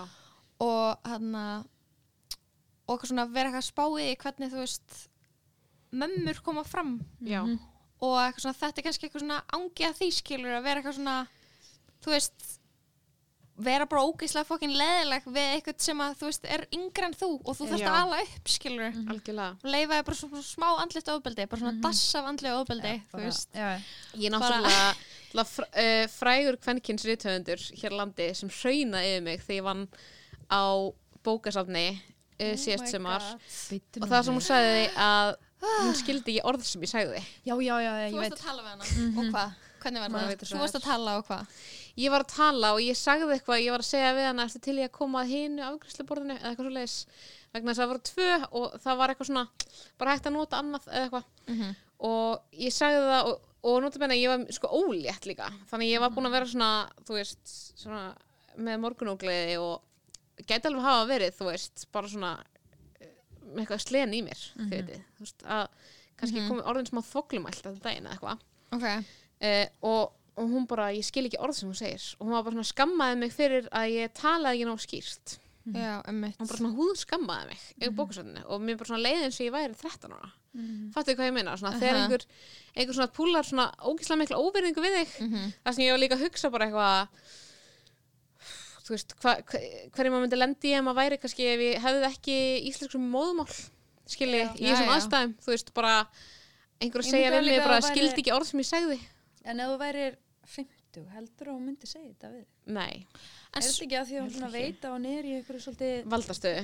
Já, svona einhvern veginn ofar í einhverjum skala en þú, ég veit ekki. Einmitt, einhver mentor staða sko. En þetta veit líka skilur mála með þegar maður hefur skilur fleiri en eitt hlutverk skilur út af því að þú gæti líka hafa verið skilur mánuði áður með henni í einhverju sem Einmitt. þú stendur við hliðina okkur sem henni finnst merkilegur Mhm. og þá myndi hún regardaði allt öðruvísi. Já, og þú veist þannig að maður er kannski listamaður en ef tekur að sér láleinastörf og er þar og bara eitthvað svona finnur hvað maður er mikið piece of shit í augum fólks og svo er maður eitthvað annar staðar og þá er fólk bara svipað típur, bara get næsum mann algjörlega. En við er erum 100% öll, þú veist, ég er alveg viss við við erum öll öll þar. brjálasla seg í þessu sko.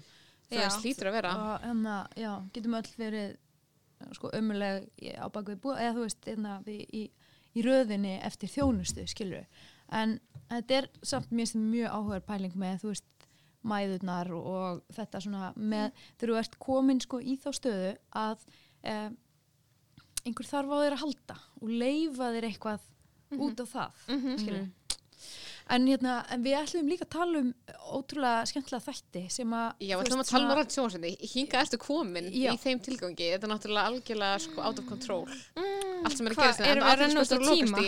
Nei, nei, við erum bara, Ok. við erum, bara sko, góðum en- aðteglispress tíma. Við erum búin að hyperfókusa á. Me Too Já. Já. og hérna Nú þurfum við að tala um norrænt. Nú ætlum við að tala um norrænt. Sko, málið er náttúrulega líka að Absúst. í, þú veist, við erum að vilja lengi fá Þóri í þáttinn til þess að tala um nákvæmlega þetta Mhm. Og líka vegna þess að sko, þegar ég var að vinna á frettatímanum, Rest in Peace uh, Pieces. Satt, hérna, þá vorum við Þóra sko mikið að refresha sko skam síðuna. Þegar sjónsætni skam sem að satt, NRK, satt, Norska Ríkis sjónvarpið framleiðir Já. uh, og urðu náttúrulega bara að sprengja þá byrjuðu þeir, þú veist, þeir fóru ekkert alveg svona hátt strax af því að þeir gerðu það í Nóri Early, early ég, ég vil í rauninni, þú veist, meina það að við höfum verið svolítið early birds. Já, af því að við vorum í rauninu að fylgjast með þeim á þeim ótrúlega skemmtilega miðli sem að þeim var uh, ætlað að vera á upprunlega. Þú veist, Já. þeir eru ekki síndir í línulegri dagskrá nema vikulega en, en svona bitarnir í þáttunum voru að byrtast á samfélagsmiðlum bara einhver tíma þannig að þú vissur aldrei hvenær að kæmu frekar upplýsingar Mér finnst það stressandi og mér finnst það það pæling. er rosalega ávana bindandi pæling Já, þetta er bara eins og ávanabindandi. að vera með kærasta og þú veist ekki hvað þú hefur hann og þú Já. ert stanslust að veist. hvernig leiði ykkur að vera skilur að horfa á svona ungt fólk og, og það er alltaf ógslag sætt og þau eru eitthvað að sofa saman. Hvernig getum við aðeins farið í það? Og því að ég þarf síðan, við þurfum síðan að tala um sko Ok, love and sko, anarchy. Málið er náttúrulega, þú veist, ég var náttúrulega að upplifa skam sem svona Já, þú veist, að þetta væri svona komið alvöru unglingadót, þú veist, að því mannum að alveg, ég elska góða unglingamynd, ég bara elska góða svona coming of age uh, þátt eða bíómynd sem er bara eitthvað að fara að segja mér ógíslega leitable sögu um hvað er ógíslegt að vera unglingur og þú veist, mér finnst þetta smá svona norrænt efni gerir þessu oft mjög góð skil, svo þú veist, fucking ámál bara svona einn besta mynd í heimi Lukas Múdisson, sænsk mynd um stelpu sem er 14 ára og hatar að búa í ámál. Fucking ómál mm. og hérna, en hvað finnst þér um kynlífsspurninguna? sko, ég veit ekki langar þið að segja eitthvað um kynlífsspurning? Nei, ég bara, ég man bara eftir svara þessu ég skal svara henni. Svarðu þú henni? Já, sko, fyrir mér var hérna sagan í skam, þetta eru fjóra serjur Já, og það eru allar um, rosalega raunverulegar og það er taka hugðarefni unglinga alveg ótrúlega alvarlega og það er, þið veitir hvað maður var dramatískur á þessum tíma hvað, þú veist, lítilatriði á skólalöðinni voru í raun og veru stór og hvað mm -hmm. eitthvað geti mann upp og með einhverjum hætti þá tekst sögu manninum í þessu þessum þáttum að rífa mann inn í lífisar unglinga og skapa karaktera sem maður verður rosalega tengdur og það að vera ykkur kynlífsenur það var bara, þú veist, það var bara eitt hluti af þessu. Mhm. Eh, Mest var þetta, þú veist, að þú þér var hend inn í líf þessara krakka Já. og með því að miðla þessu gegnum samfélagsmiðla þá var þetta alveg ótrúlega raunverulegt og það voru rosalega vel leiknir þættir sem byggðu líka á mikillega rannsóknarvinnu þetta var skrifað á tungumáli sem kom beint frá krakkonum og aðstæðunar voru byggðu á raunverulegum hlutum margar hverjar. Þannig að þú veist það er eitthvað kynlífsena hver eru ekki séð það? Veist, það, það var ekkert atrið þarna. Atriði var og þú veist, allt í hennu komin mjög djúft inn í hugarheim unglinga sem að ég hef, ég hef ekki séð svona sterka um, sögumiðlun á hverstasleika unglinga bara, bara mörg ár sko. ég man bara ekki eftir neinu sem hefða jafn og, lí- mikið og til mín. líka sko bakgrunin er náttúrulega líka það sá að þú veist að þú einhvern veginn sér þetta þegar þeir vera stóri í Já. og þá byrjum við að fylgjast með þeim sko þess að þessi textaðir eða neitt. Já, já, bara á norsku þegar að klippinar byrtast og þá er maður alltaf svo spenntur að býða eftir og maður er að býða eftir þeim, eins og við vorum að tala um að lifa sinni í efni. Já, ég bara, ég gleymi því ekki að vera að að fylgjast með Ísak Mhm, og Evan þú veist, Ísak og Even og ég var alltaf verið fressa síðina að býða til að það kæmi ný klippa að því ég vissi kannski að vera að fara að hittast. Já. þannig að ég vissi kannski klukkan hvað það myndi koma inn út af því að sirka, út af því að hérna, hlutinni gerðist, ef eitthvað gerðist í skólanum þá kom það inn svona 11.53 að það gerðist í hátegislínu, skilji. Þannig að ef þeir voru að fara að hittast um kvöldi þá var ég bara ok, í kvöld ég er fressa því ég hlakkast til að Þetta ég veit að hann að fara að hitta hann, ég veit að er verið þannig að ég þá þetta og allt þetta mm. væri orðið svolítið banalt sko Já. það er alveg svona mín kenning að það væri orðið svona að SMS er komin på skjáin Já, já, Já, það, það væri orðið bara svona, ok, núna. en þarna var þetta bara, oh my god, þú veist bara svona að fá öll leirinn og þú fegst líka inn á þessu sömu síðu, þetta var bara skam.p3.no Já. og þú veist, þá varstu bara líka að fá, þú veist, Instagram postana þeirra og þú varst Já, að fá já, kannski já. einhver auka samskipti sem voru svona auka leir sem að þeir sem að já. horfðu bara á allan þáttinn fengu ekki Já. bara svona, hei, byrju, er þú komin að sjá Ísak eitthvað, eina hann alltaf koma til mín Einmitt. e, nei, byrju, getur verið eitthvað svona, du, du, du, þú veist, eitthvað svona ekstra sem að þú varst eitthvað sem að letir meira líða þegar við erum að tala um að lifa okkur inn í þetta. Þú veist, það letir lifa þetta inn í líf þeirra, þú veist, bara svona ég tengdist engum meira en ég bara tengdist Ísak skil, mm. á þessum tíma. Já, og við vorum að followa alla þessa karaktera. Já, og þú veist Instagram Á Instagram, já. Instagram og, og fylgjast með þessu samskiptum. Mér finnst þetta ótrúlega flott. Svo veit ég að þau fóru með hérna, þættina til bandarækjana og reyndu að endurgera þar. Og þeir voru ágættir en, en það náðu ekki þessu sama flugi og þetta varð ekki nei eða, þú veist, kannski bara því að leikstýrjan og handriðsöfundurum er norsk og þetta var rosalega þetta Norskt var rosalega norsk já, já, Mhm. það er rosalega margt í þessu þáttum sem er í raun og eitthvað. ekki bandarist já, svona sér norst og Já. einhvern veginn Já, passa þessu norsk. ósla vel og ég, þú veist, Kultúr. já, og ég ólst upp í, í Norri og var mitt fyrsta ár í mentaskóla í Norri þannig að þetta var bara eins og að svo mörgur leiti ykkur, ykkur heimur sem ég þekkti sko. Mhm. og hérna, Hvað bjóstu lengi í Noregi? sko ég ólst þarna upp þegar ég var krakki frá 11 til 16, 17 uh, þannig að ég var búið með fyrsta ári mentó Aha. svo hef ég búið þar tvisar síðan þannig að ég er búin að vera svona eitt þriði æfinar sko. Vá. þannig að þú fylgist mikið með norrænu mikið. út af þessu Mm. þú veist, ok, núna er ég, búin að, núna er ég alveg bara ég er að dýrska uh, Love and Anarchy Já. Sem að eru á Netflix. Er ég búin, ég bara straujaði allt. Það var Oh my þættir. god, hvað eru góðir? Ég horfði á það um helgina. Já, það Mhm. er frábær og þetta er þess að, og ég var eitthvað að leita að einhver info um þessa konu sem að skrifa þessa þætti og hún er svona alveg einhver kanona í, þú veist norsk sjósefni, hún er líka búin að gera einhverjar myndir í Hollywood held ég meira að sko, það var, þú veist, hún var, þetta var eitthvað svona en þetta er svona þættinir sem hún vildi gera skiljið hvað ég menna, þú veist, hún er búin að geta framlengt einhverja, framlengt einhverja þætti og búin að vera held ég líka eitthvað í bandaríkjunum, en þetta eru svona þættinir sem að, veist, hún fekk svona einhvern veginn fulla listranna stjórn. Uh, hún er Lisa Langseth sem leikstýr þáttunum.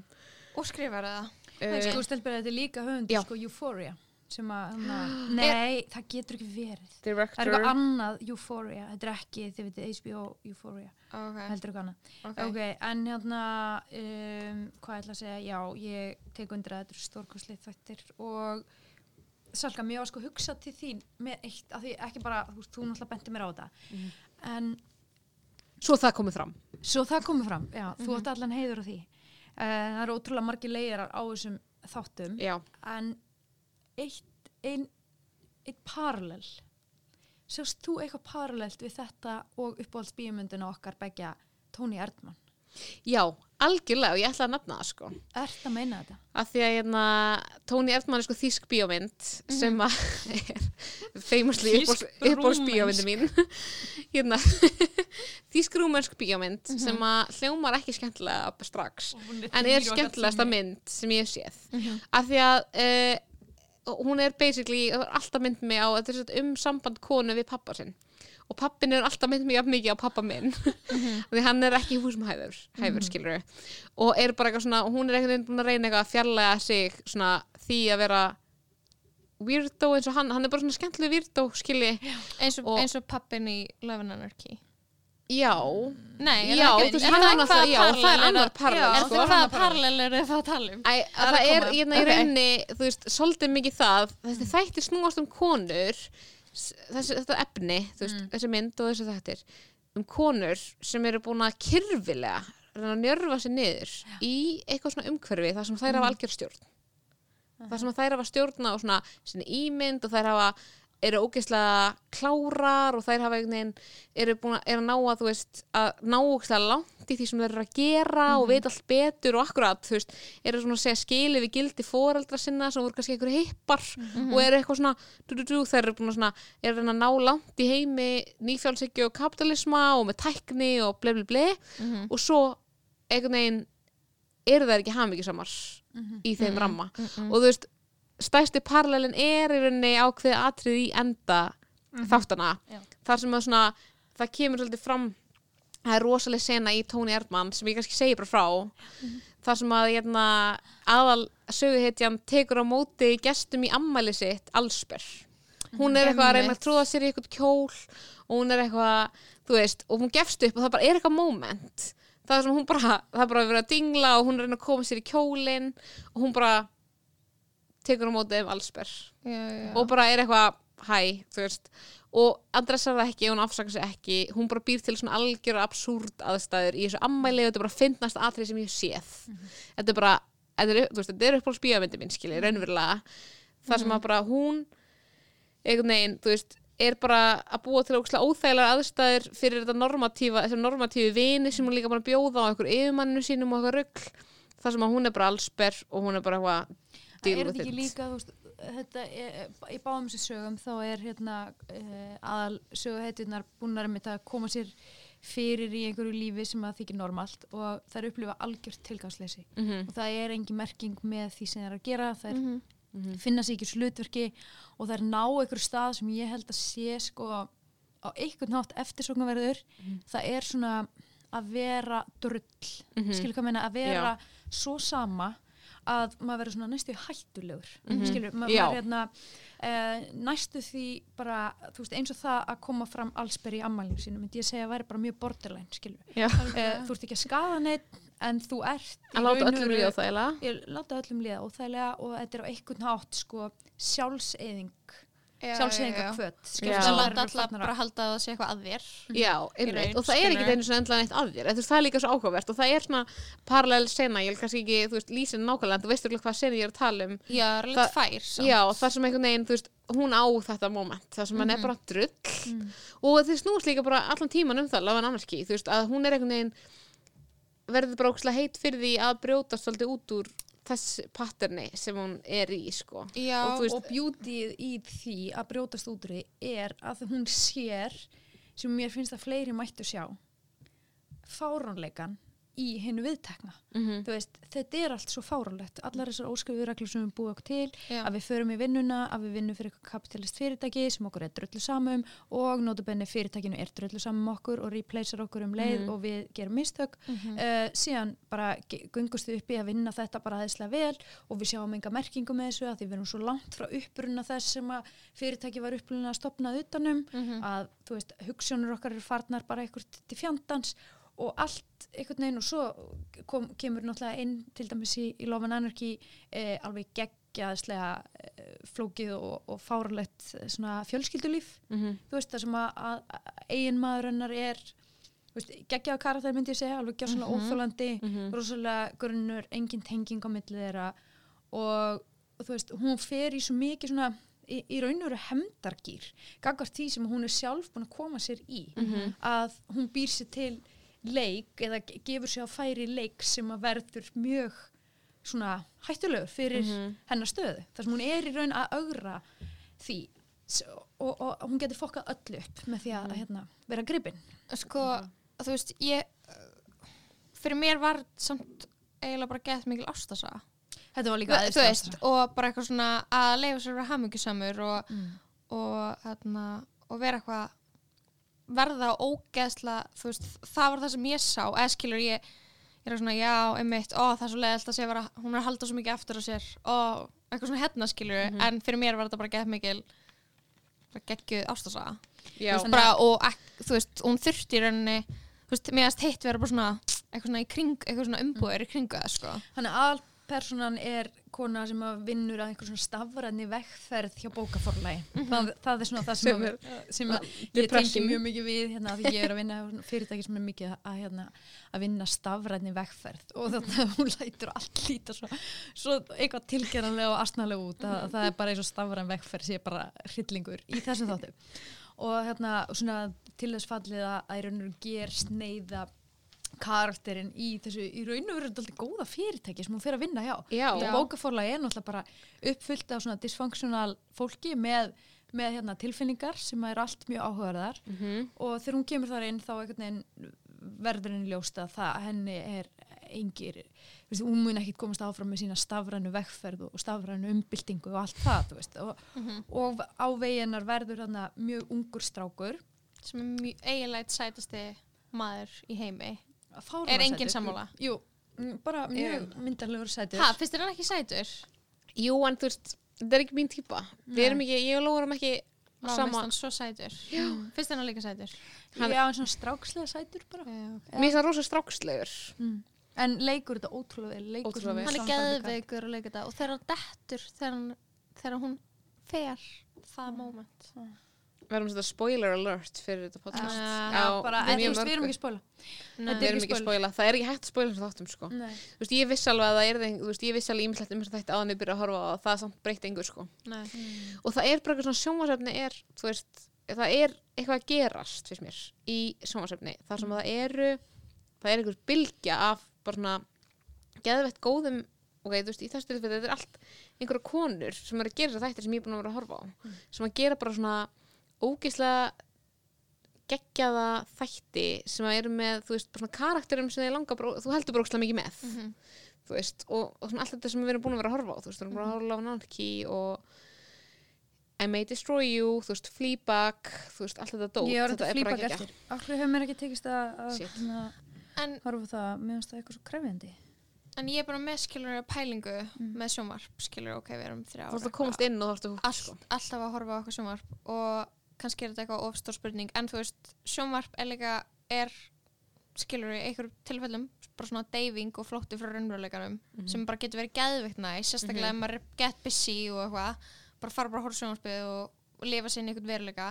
En þú veist, er bara, þú veist hvaða skilur menningalega valjú hefur sjónvarp eitthvað svona þegar við stöndum frammi fyrir geðveikt mikið samfélagslegum vandamálum skilur og við erum bara að reyna að taka ákvarðanir með eitthvað fucking global warming dæmi. Og við erum með heimsfaraldur og me too og við erum eitthvað svona alltaf að horfa á sjónvarpið. Og sjónvarpið er að educate okkur. Ég er bara svona spá hvar Má ég svara þessu? já, please. Sko Ég hef aldrei þólað þegar að Sko ég lærði kvikmyndagerði í Norei og um, og eftir það og kannski fyrir það líka hef ég alltaf verið mjög viðkvæm fyrir því að nálgast sjónvarsefni sem afþrengu það eru þetta mjög margir sem vilja bara sjónvarsefni sem afþrengu eða kvikmyndir að ég einhvern veginn get það ekki. Ég, ég get ekki bara, eða get mjög sjaldan hort á eitthvað sem bara til að drepa tíma, til að deyfa mig mm. eitthvað svoleiðis.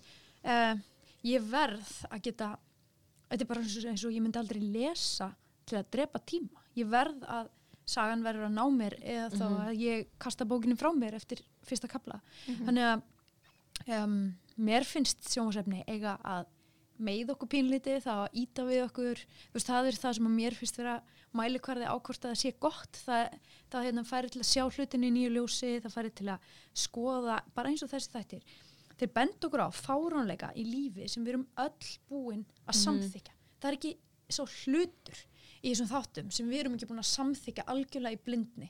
Þú veist að svona að maður eigi mæti vinnuna, maður eigi að vera í fötum maður eigi að borða mat, maður eigi að segja góðan daginn, maður eigi ekki að sofa hjá strákur sem eru 20 árum yngri. Þú veist það er alls konar svona skrýtnir hlutir þau veitir sem að er bara, bara óskrifaða reglur. Og þú veist þegar þættirnir benda mann setja spurningamörki við eitthvað sem að maður er ekki dagstæðlega að pæli þá finnst mér það að vera eitthvað svona að, að fæ eitthvað kikk út úr því sko. Og morning show líka þetta eru þættir sem setja eitthvað dagskrá sem að við erum að fást við alltaf, skilji. Og þetta, fyrir mér er þetta svona meaningful sögur, skilji, sem hafa eh, Algjörlega. beina svona tilvísun í bara lífi sem við lifum. Mhm. og þar að leiðandi verða það er alveg sko yfirgnæfandi stór hluti af mínu lífa meðan ég er að horfa það Mhm. En ég er með úrslega pyrrandi teik Mm. sem er eitthvað svona, við horfum á karakter í sjónvastáttum upplega katharsis og gera upp eitthvað, eitthvað lífstíl sem við síðan þurfum ekki að gera. Þú veist, ég veit þetta er óslega pyrrandi teik, skilur, en þetta er bara svona, þú veist, já, eitthvað svona, við horfum á eitthvað, skilur, eldast við eitthvað drauma og fara inn í eitthvað aðstæður sem að við hættum okkur ekki í út af því að, þú veist, það eru hættulegar. En mér þetta að vera eins og við, við erum í raun og veru í gegnum þetta að fá að kynnast sögum af fólki, örlaðsögum fólks sem við höfum ekki færi á að kynnast annars þar. Við höfum ekki færi á að kynnast heiminum sem að I May Destroy You gerist í. Þetta eru, eru sögur sem eru okkur ekki aðgengilegar en það að einhver skuli taka sér að skrifa þær svona vel og bera á borð fyrir okkur, það lætur okkur skilja betur Black Lives Matters. Það lætur okkur skilja betur um hvað jaðarsetning ákveðins hóps snýst Mm og lætur okkur skilja betur eitthvað sem við höfum engar forsendur til þess að skilja í okkar ótrúlega einsleita hvíta samfélagi þar sem að allir eru basically á sama upprunan og við erum hérna kyrfilega búin að loka og læsa landinu og ætlum ekki að hleypa inn hérna nokkur í fjölbreytni. Bara thank god fyrir allt þetta góða sjónvarsefni sem streymir til okkar. Annars værum við bara hérna eins og ykkur neandertals menn að þú veist, lifa bara eins og við höfum alltaf lifað. En líka bara, já og svo líka verður það að vera veginn nógu vel skrifa til þess að maður upplifi ekki of mikið bara maður verður að upplifa að það sé einhverja spurningar sem vakna innra með þér, fattu hvað ég meina? Því mér finnst einmitt nákvæmlega þetta gerast með flesta svona sitcom þætti, þar sem það er eitthvað vandamál svo er úrlausn og ég fæ svona tilfinningu sem er bara eitthvað, já það var úrlausn á vandamálinu núna get ég bara leiðið þetta áfram.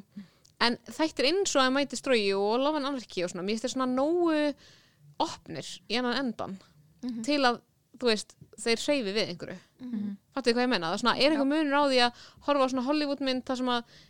rasismi er leistur f- fyrir augum mínum, það er bara, já, ok, einhver hvítugur var actually bara frekar nice í endan á þessari mynd, eitthvað svona. Og þá er ég, ok, ég þarf ekki að gera neitt. En svona, ef þetta er góður þáttur þá finnst mér eins og hann skilji mig eftir með ókslega mikið af spurningum sem langar til að svara eins og mér varst I made destroy you gera, mér langaði til að tala um hann langaði til að ræði þessar spurningar sem kom upp með mér, þú veist, mér langaði bara að hugsa um þetta, mér langaði að tala við kallmenn um þetta, þú veist, mér langaði bara að vera eitthvað hefur séð þetta, eða fattu hvað ég menna opna einhver umræði, frekar hann að klára hana Já, en þú veist, sé líkilinn, sko. af því að maður er eitthvað svona hugsa um eitthvað svona hvaða menning er örgulega sterkasta hreyfiaflið skilur og það hafa alveg verið samfélagsmiðlar og það er örgulega samfélagsmiðlar. Mhm. en þú veist þú, þú getur sett hlutina sem við erum að reyna að koma að staða á samfélagsmiðlum í einhverjum umræðum í geðveitt samhengi í sjónvarpi já, nákvæmlega þú veist, þú getur Já. við höfum alltaf þurft það, er það ekki? höfum við ekki alltaf þurft að fá þú veist, svona spurningar inn í eitthvað samengi, eitthvað myndrænt samengi eitthvað svona, þú veist fá karaktera sem við tengjum við til, þú veist, er þetta ekki bara svona tæ, verkfæri sem að hefur alltaf virkað gett vel fyrir okkur Mhm.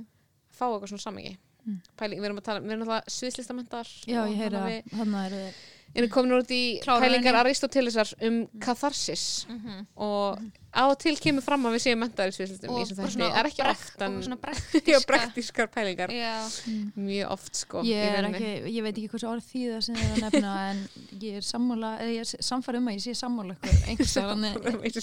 sko. ok, ég held sko að það sé komin tími á Já, er, er komið tíma rænt vikunar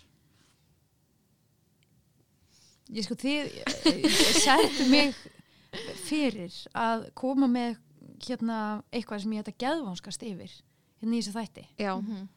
uh, og Ég er ég er til það. raunveru bara, þú veist, ég ég held að sé rauði þráðurinn í spjallin okkar sem Já. að ég, ég svona, það fyrsta sem kom upp í hugunni mér Mhm. var orð sem að þú í raunveru bjóst til að því við salka erum í raun samfæður um það að við þurfum ekkert tímuna að, að, að skrifa sjónvarsefni saman Mhm.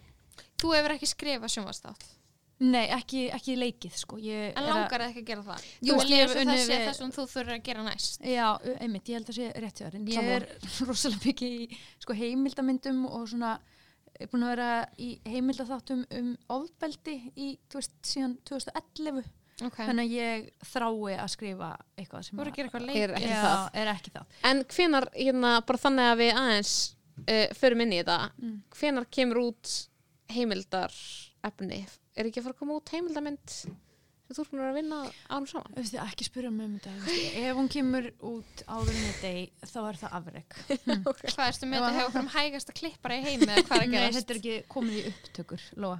Ó, ok. En þetta eru þættir sem að hérna, byggja á uh, sögu landakott skóla Ó, og guð. eh, mál sem að ég er búin að rannsaka síðan 2011 og er eitthvað sem ég líður eins og ég verði að klára en bara eðli mál sem samkvæmt þá er þetta mál sem tekur tíma. Þannig að þú veist, það, er bara, það er bara þannig og það er bara gott mál. En stundum vil maður líka bara leggja það frá sér og hugsa um allt annað.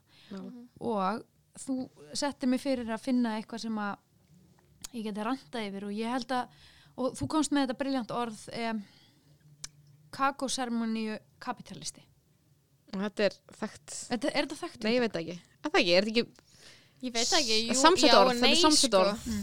Kakóseremóníu kapitalisti. Já, Já, ok, já, já. ok, þetta kóina núna hér allavega Okay, Það er, he heyrist það fara í miðlum í fyrsta sinn örgulega hér í dag. Mhm, Það getur verið að trenda bara á það og eftir. trendað eftir.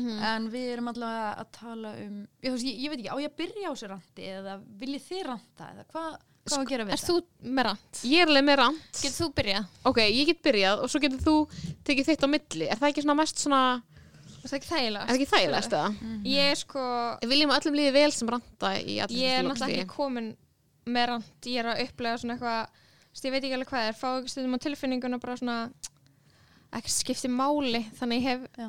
ekki, já, of jákvæðar og of neikvæðar tilfinningar gagvart neinu. Já, ég, Ég er bara svona oftast þannig nútral. Er það ekki pínur svona það sem að uh, hvernig öllum líður akkurat núna nema allir eru með sterkar skoðanir á því að við sem er COVID, ok, ég ætla ekki að tala meira um þetta. Ok, Ok, ég er tilbúin. ok, ég er tilbúin. og...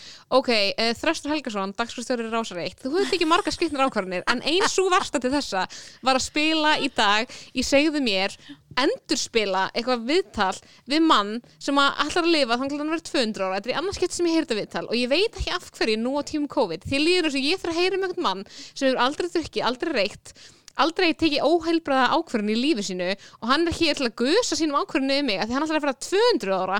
Þetta er minnst göfuga markmið sem ég hef heyrt um á æðinu og því að þú ætlar að vera 200 ára þú ætlar ekki að hjálpa konin til að vera 200 ára. Þú ætlar ekki að hjálpa bönnin til að vera 200 ára. Þú ætlar bara að verða og það verður svo leiðilegt og það verður svo leiðilegt fyrir alla sem verður með þér að því þú ert aldrei gert neitt slæmt og þú trúur á Guð þannig að þú ert officially líklega leðilegasti félagskapur sem til er. En ég veit að þú ert að koma frá góðum stað uh, einhver maður sem að, ég veit það ekki. Ég er að reyna að vera jákvæð. Ok. uh, en af hverju þetta endur spila þetta? Þröstur Helgason sem þetta rand er uppalega um fyrir mig á Þrjár. þessum Þrjár. mánudegi þegar ég bókstala vaknaði þegar Búið. mér kaffi og fór í vinnuna Búið. þetta er ekki sangjant þetta er ekki sangjant, þetta er ekki eitthvað sem ég þarf að heyra. Ég þarf ekki að heyra þetta. Anna, þegar hann er að reyna að vera 200 ára, hvað er hann einhver efnafræðingur eða? hann er svona Hvað er biohacking sem er minnst Hvað sympatíska er biohacking? það er minnst sympatíski málstæð sem þú getur verið með og kannski þóra með, með skoðanar á er þessu ekki að nóg fyrir hann að vera sem- 100 ára? sem lífstíls uh, er ekki nóg fyrir hann að vera 100 ára? akkur ætla hann að vera 200 ára Hvað ætlar hann er að gera þessu 100 ár eftir Ég er 100 að segja árin, það, þetta er Hvað heil 100 ári viðbútt? og það sem líka pyrrandi er að máli er ég held sko hann viljaleg ég held alveg, þú veist, út frá þessu viðtali þá held ég alveg að hann sé eitthvað svona að reyna að miðla einhverjum leiðum til þess að vera langlífur til annars fólks, ég get bara 100% bara flott. En á sama tíma þá er ég bara eitthvað svona þetta er svo pyrrandi að heyra fyrir einhverja mannesku sem er eitthvað móðir með áttamannan gamalt barn. Þá er ég bara eitthvað svona, það er ekki sympatist að heyra að þú sett að segja að ég þurfa að streytar mín sé of mikil til að ég lifi lengi ég veit það, ég er kona og ég er í sambandi og ég á barn. Ég er basically að fara að lifa svona 20 árum sittar en þessu gaur. Út af því Já, að já, hann er að af því að 180 kon- ára. Ég er bara frá 160 ára. Ok, ég, má ég koma inn í randið það? já, endilega. Sko, þessi strákur er væntalega Hjalti Tryggvason, nei, Tryggvi Hjaltason. Já, Já. 100% og hérna, ég hafði aldrei hitt Tryggva Hjaltason fyrir en að einhverjum þú- ég skil ekki okkur alltaf að bóka mig einhver podcast, en ég held að Bergur Ebbi hafi fengið mig til að fara eitthvað podcast og ég bara já, já. Og hérna fyrir podcast hjá Bergi Ebba og mæti sér að Tryggva Hjaltasinni og e, Bergur Ebbi hefur þann háttin á, að hann í raun og veru lokar okkur inn í, í stúdiói, við höfum aldrei hist og ítir og rekk og síðan hefur við bara talað Reyndar átt, var upptakturinn úr bókinans sem ég man ekki hvað heitir í augnablikinu en Já. var alveg áhugaða fyrir margt. Og ég lendi sér þetta á, á klukkutíma hörkuspjalli við þennan umræta verðandi 200 ára gamla mann. Og ég verð að segja Salka að hann kom mér á óvart eh, Hann á marganátt hann var bara bæði sympatískur. Hann var eh, áhugaverður. Við áttum geggjaðar samræður um, hann var ekki að bestu vissast hann langaði til að vera 200 ára. Það var endur ekkert umræð þarna.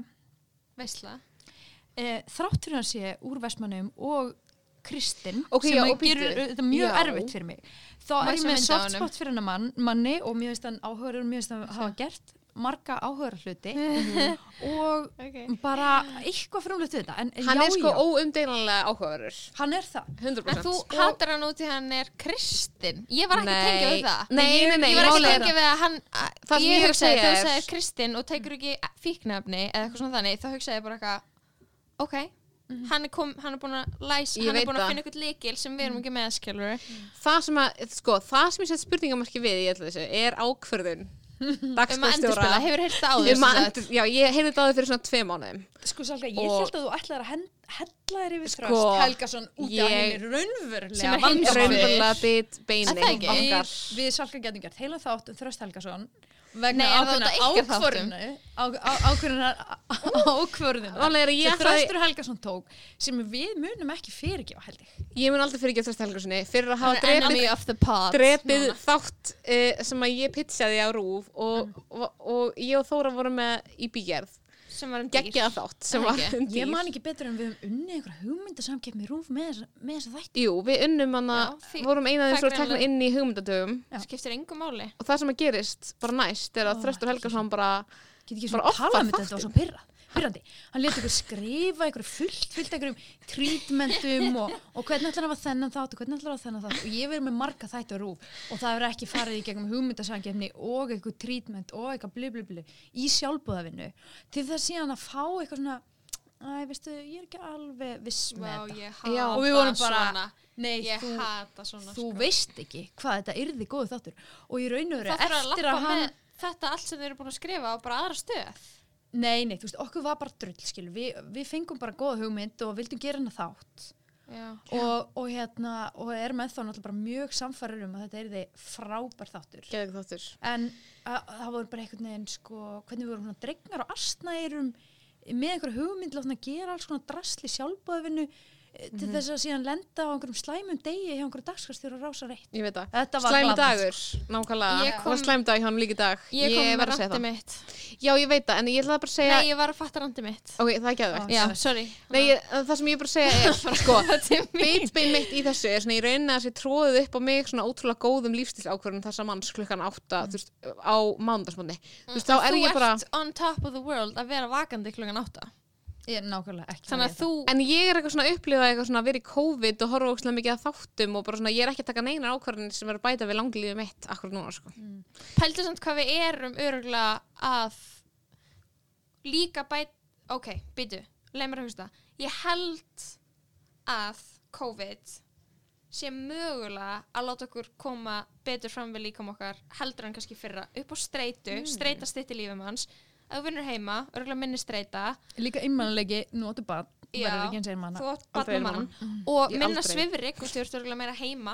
Og ég veit ekki, þetta er umlega pæling. Nei, það kannski ekki vera sko aðstandendur eitt er að þú getur hugsað hugsanlega annast fóreldræðina þegar þeir voru veikir af því þeir voru góði við þig og hérna og þú ert kannski 60 ára og þau eru 80 ára Mhm. skilur en hver ætlar að annast Tryggva Hjaldarsson Þegar hann hann verður 85 200 ára. ára What is the það long verður ekki hans ekki barna barnabönnina hvað ætlar þetta verði? Þetta verður þú veist eitthvað fimm kynnslóðum neðar. Og verða bara hann og ætlar það að að fara pæla. að, að hérna hjálpa honum að, sko, að, þú veist, að, að tengja iPadinn og eitthvað svona þegar líka hversu set- langur hluti af þessu post 100 verður hann bara upp í rúmi? Já. skilur mig, Já, já. þú veist, er, gerist það þannig 150 ára og þá er hann skilur rúmligandi og hann er eitthvað alright, þá er það næstu 50 ár svona. Já, og bara bró, þetta er erfitt í eina viku þegar þú ert veikur, veistu hvernig þetta verður í 50 ár? Já. Hann er sko alltaf að taka viku föstur og hann er ekki alltaf að því skilur ég vil ekki vera að ræja þetta mann. Okay. en hann er að taka viku föstur og málið er að biohacking fyrir töðan á mér það fyrir töðan á mér sem ykkur gauður í Silicon Valley sem er ógæslega mikið pening og sem er alltaf að eitthvað svona að fasta í viku að þeir eru búin að hakka eigin hvað Það fyrir með? á Veistu hvað þessi menn eru með? Þeir eru ekki að bæjóhaka, þeir eru með ádröskun Já, ég er að segja það, það er pyrrandi að þið kallið það biohacking Þeir eru svona sóilent, þeir eru svona drikk Svo þeir eru ekki að standa upp frá borðinu svona að borða. Já. Þeir eru workaholics og þeir eru með að þeir eru bara að Þeir vinna eru að fara að deyja fyrir heldur en þú sko. Já, og fyrir, utan Tryggvi alla glæpina sem hafa verið framdir um, af hungruðu fólki sko, Hvernig eru þið þegar þið eru svangar? Rífist þið oft við Vestar. fólki í kringum ykkur Mhm. þegar þið eru svangar, já, ímyndið ykkur að þið væri að fasta. Já, ég Og hef fastað í hversu- 40 klukktíma já, hversu hræðileg manneskja verður þá ef þú fastar í viku?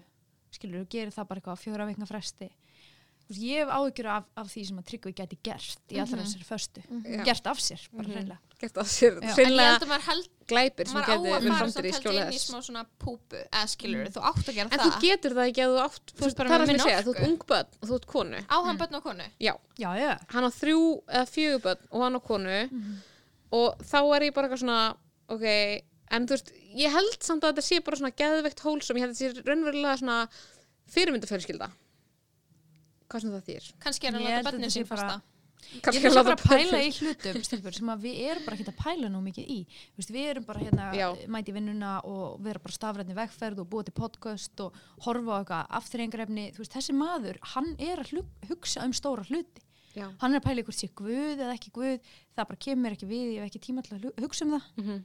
eh, hann er að pæla í því hversu lengi að muni lifa og vera á sig jarðaríki og hvernig hann eigi að skilur, Nei, þetta eru stóri hlutir og við erum kannski, kannski erum við bara að horfa í of smáa hluti Getur En ég upplýði það samt að sko, að það sem, hlutum. já, Já, það sem já. ég upplýði og ég, að því að ég vissi að ég væri að koma inn í þetta rand Mm. með það markmið að fatta af hverju það færi töðunar á mér að heyri í þessum manni klugan snemma morguns á mándi Mhm. og ég held að það sé að það er alltaf svona kalkulerað við þessar ákvarðanir að því að hann segir að hann trúir þú Guð vegna þess að Hvað? ef að þú trúir á herri tilgang Já. þá lifir lengur Mhm.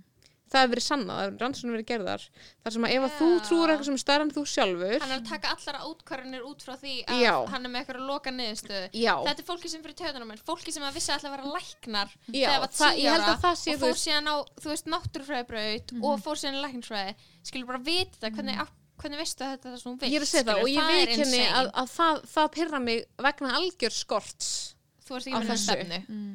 þú veist, í lífinu að það er svona, sé einhver mannesku sem er bara búin að ákveða eitthvað eitt í lífinu Mhm. geðveikt bara er alveg viss um það, alveg viss um það að, að hann vill gera þetta og einhvern veginn engin efi með það og er búin að ákveða hvað besta leiðin sé að því og er að því það bara getur farið í töðunar á mannesku sem að er ráða stefnilust um ert þú Ég held með stefnu, Þóra? e, e, mm, í lífinu já, þú Eh, vissur alltaf hvað það er að gera og hvað nám og já. vinna við Já. Bara alltaf já, og þú vildi vera blaðakona eða vildi vera fjölmiðlakona Mm, já, ég vildi kannski vera í einhvers svona heimildamöndagerð sem að Mhm. hefur kannski tekið minni hluta af mínum starfsferli heldur en ég hefði viljað Mhm. en eftir á ekki að myndi ég ekkert vilja breyta því, skilju. Mhm. Þannig að hérna, ég, ég var alltaf með mjög svona mm, skýrt áhugasvið og það hjálpa mér undan mjög mörgu svona identity krísum sem að vinkonum mína fóru gegnum allar, þú veist, ánlýsárum og millir tvítus og þrítus bara hvað ég verða, ég veit ekki hvað mér finnst gaman. Þú veist, bara sem betur fyrr þá vissi ég hvað mér fannst gaman að vinna við.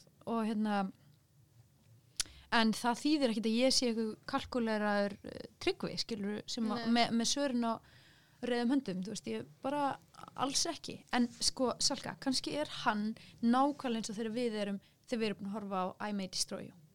Já, ég held það reyndar. Hann sé bara búin að finna geða eitthvað hugmynd og hann vill bara allir vita því. Já. og hann vill miðla þér henni til allra og hann vill ræða hann við alla. Og ég ber alveg virðingu fyrir því. Ég var ekki að handla þetta í morgun. Mér finnst þess að þáttur hefði geta verið spilaðar á öðrum tíma dags. Ég er bara að segja það. að spila þetta klukkan tíu ég er að segja það, þetta hefði bara geta verið í mannlega þættin til dæmis. Það þarf ekki í segðið mér veist, þar segðu mér að vera klukkan 9.03 eða eitthvað á, á mótnana á hverjum einsta degi mm -hmm. Ég er ekki viss Nei. og þú veist, ég er til í samtal. Ég er alltaf til í samtal í Þröst Helgason. Veist, ef hann vill fá mín ráð, hann vill það ekki en ég er ennþá ofin fyrir því, skilur þannig að er það þessi dagsjóstjóri Já, hann er svo sér rosa reitt Mhm. og það, þú veist, við höfum eldað grátt silu saman, hann veit ekki að því. hann veit ekki að við hann samt. eldað þetta grátt silu Ég saman, en ég veit það. Já, ég meni ég hef líka bara mjög góða hluti líka segja um Þröst Helgason bara svo það sé sagt, þú veist, ég þekki alveg betri hliðir á honum heldur en þegar hann canceleraði dýraþættina þegar hann slátraði dýraþættinum sem við ætlaðum að gera það sem við ætlaðum meðal að taka viðtölum dýr og segja góða sögur af En dýrum. Pæli hvað er eftir að vera hann núna? Pæli, hann geti verið, þú veist, þetta er örugglega einhver mesti low, low point roof fjárhærslega undan Já. ár og við erum að baktala hann í podcasti.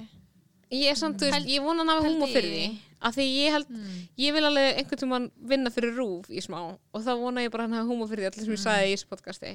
Ég held En- að Rúf sé að fara að enda sem podcaststudió eftir svona fjögur ár. Rúf Þú veist, Það er verður bara að hér. svona niðurskurður og þeir enda á því að þeir skeila bara massíft niður. Það er bara podgræja, það er bara þrýr gaurar, þrjár konur og það er bara þáttu sem er er hver Sko, Rúf var minn mentaskóli og háskóli. Þú veist, ég byrjaði þarna 23 ára eða eitthvað og er þarna til 30. Og hérna, e, maður gengst mjög fljótt inn í það hlutverk að vera, sem sagt, í, að vinna Rúf er svona að vera svolítið stór hluti af þínu identity og þar vita allir að, hérna, að Rúf á engan pening og Rúf á alltaf sífælt minn og minni. Já. þú ert alltaf alveg að fara að missa vinnuna og þú ert aldrei að fara að fá kaupækkun, aldrei. Og ekki berjast fyrir réttinum vegna þess að þú átt, það er svo margir sem býða eftir vinnin í röðum. Þannig að fólk sem vinnur á rúf á það sammert að vera með Stockholm syndrom það bara vinnur hjá sínum yfirmönnum að því það veit að þetta er alveg, það er verið að fara að skella í lás En þetta er svo leiðilegt og því að rúf, skilur, þetta er svo ótrúlega leiðilegt og því maður langar bara allir, maður langar svo innilega bara frá mínum einstu hérstarótum að allir hann bara hafa það gott fjárháslega og sé með atvinnur ekki út af því að þú veist, þau eru með með tækifærin til að vera búa til besta kontentið á Íslandi. Og en í staðin og er eru það að mörgu leiti sko. M- Já, bara skilur þau eru öruglega, já, ætli þau sé ekki öruglega bara best í því af eitthvað svona sjónvarstöðunum ég veit ekki, ég má ekki segja þetta, ég er að vinna með stöð 2 en þú veist, þú veist það er rúf og það er stöð 2 og mér er svo leðilegt að skilur að rúf hafi það ekki bara næs. Að þú getur Já. ekki bara skilur vitað að þú ert með vinnu En bara sko, næstu árin og, líka- að ég veit það ekki. Þetta er náttúrulega líka bara valdakerfið í samfélaginu, þú veist, um, pólitíkusar sem að fá útröð, Right, útreið já. af fréttastofu rúf, það vil veikja rúf, það finnst rúf ekki vera, það, það finnst það ekki rétt að við skattgrendur sem að borga einhverja miljardar á ári til þess að halda úti vinnustæða sem að framleiðir menningarefni. Þú veist, það er, það er stundum erfitt að sjá hvers vegna ættum við að gera það. En þú veist, á sama tíma þá viljum við ekki vera á svörtum spillingarlista, við viljum vera líðræði samfélag, við viljum vera samfélag þar sem að hérna, e, fjármaks eigundur ráða ekki endilega kröftum á, á, já, og, og þess Já. vegna er rúf hortsteinin í því að láta óháðar veist, e, rúf setur tónin fyrir hvernig við segjum fréttir af því þeir hafa ekki eigenda, þeir eru ekki með eigendur með agenda eins og allir aðrir fjölmiðlar á Íslandi þar með tali stöð 2 100 p ég meina þú veist þeir verða, rúf verður að vera til en skilur, mér finnst líka bara þá að þú ætlar að hafa rúf, þá verður að hafa gott rúf Já. skilur, ekki hafa rúf ekki, alveg svo mynd nei, og ekki hafa s- held, þú veist þetta er bara nákvæmlega sama við um og spítala skilur, já, hafðu hérna heilbriðskerfun ekki hafa þá sökkað og miklað og alltaf á lágum launum RÚV. um hvað á rúf að gera til þess að, hérna, eigum við ekki bara frekar að skoða möguleika rúf til þess að afla sér tekna. Mhm. Þú veist, það er mjög umdelt hvort að rúf eigi að vera á auðlýsingamarkaði af því þá er talið að það geta upp auðlýsingar frá öðrum miðlum sem er kannski ok, hvað getur við þá annað gert þess að afla sér tekna? Jú, gera það á leyfið- áhrifavöldum gera Gíslamartin bara með nokkospons í Akkurat. veikunum við Gíslamartinni þetta Þeir er byrja einlega eitthvað á því að leia út, þú veist, eitthvað Reykjavíkuborg byrja að leia hjá hann rúf og svo letu þið byggja blokkir alltaf Já, kringu sig. allt í kringu sig, þeir eru núna í miðinu okkur svona íbúðakverfi mér finnst það pínu góð pæling, ég vona, ok. ég vona að þetta fara bara beint inn á fréttastofu, skilur bara íbúðverð, bara bara let's go. bara- Já, en þú veist, þeir fjármögnuðu sér geðað mikið þannig, en núna er aftur náttúrulega bara eitthvað ógislega lítið peningur til út af COVID, skilur að dutt út einhverjur stóri viðburðir og eitthvað. Og svo bara eitthvað að katta niður í fjárlögunum. Og ég bara eitthvað svona, mér finnst þú veist, er rúf er skilur á að vera skilur svona, mér finnst það eins og það eigi að vera fyrirmyndafyrirtæki mm Mhm. skiljiði mig, Já. eitthvað svona þá á alltaf bara að vera Ég vil að rúsi geggjað NRK sko. Já, Að sé bara- á að vera meira svo NRK og ekki eitthvað svona, ekki eitthvað svona allir að verktakarlaunum eitthvað svona. "Ah", í bastli Mhm. heldur bara að gera gott content algjörlega Æ, ok, eh, sorry ég verði eiginlega að bæta inn við að því við erum búin að tala svo mikið um norrænt sjónvarsefni Mhm. Já. og þú veist, eiginlega bara mitt síðasta framlæðina í einu þátt er norskar íþróttafréttir eru mest legendary íþróttafréttir. Það er eiginlega eina sem ég horfi á. Það er, það er skíði það er skíða ganga, kapp ganga uh, hérna, stórsvig, svig skíða skotfimi þetta er bara líf mitt alltaf og þeir eru svo ógeðslega fyndnar á samfélagsmiðlum og þeir eru svo þeir eru svo góðir í að búa til content og þeir eru svo góðir í að gera almenninga þáttakendum í sportinu sem þeir eru, þeir eru náttúrulega, þú veist, bestir í heimi í öllum þessum íþróttum, þannig að það gerir það líka mjög gott að fylgjast með þeir. En þeir búa til íþróttafréttir eins og mér finnst skemmtilegt að hlusta á og horfa á íþróttafréttir sem eru mjög mannlegar og, og eru svona e, mikið í örlagasögunum. Þú veist, þeir, gera ef, em, efni um keppenduna Bara segja góða eh, sögur. segja góða sögur og hvað hva býra baki og þá allt einu verður íþróttaleikur, hvort sem er fótboltaleikur eða skíðakeppni eða bara whatever eða hérna, frjálsar íþróttir sem ég er alltaf fann að fylgjast með. Það eru bara fáránlega spennandi af því að e, íþróttafréttamenn á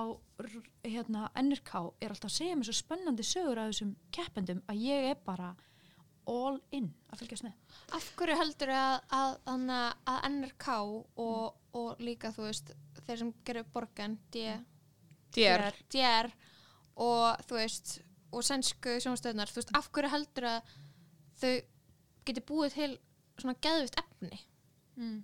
þú veist hvað, að ég veit ekki, þetta er óslega stór spurning en þú veist þeir eru náttúrulega sko með við okkur til dæmis og svo með við þú veist og þegar ég, ég heldur tengjum allar enda við að þú veist sjá eitthvað skandinavíst og bara svona finnast það bara geðveikt ef ekki betra heldur en og þú veist þá í samanbyrju við sko eitthvað miljardar business í bandaríkjunum skilur Ég held að það er til dæmis einn fundamental munur. Þeir hérna, verðlækja þetta sem menningavermæti Já. og, og sem eitthvað sem að er einhvers virði og það að setja pening í til dæmis uh, ríkisærkna sjónvarpstöð uh, sem að hefur það hlutverk meðal annars að miðla efni samfélagsins Mhm. Að endurspegla í raun og samfélagi sem við búum í líka bara með krítiskum hætti þetta er eitthvað sem að veist, þeir hafa, til dæmis eru hefur ekki tölu á kvikmyndaskólanum sem eru í Nóri, þar sem þú getur sótt þér mentun á öllum háskólistegum mm -hmm. framhaldsskólistegi og, og hérna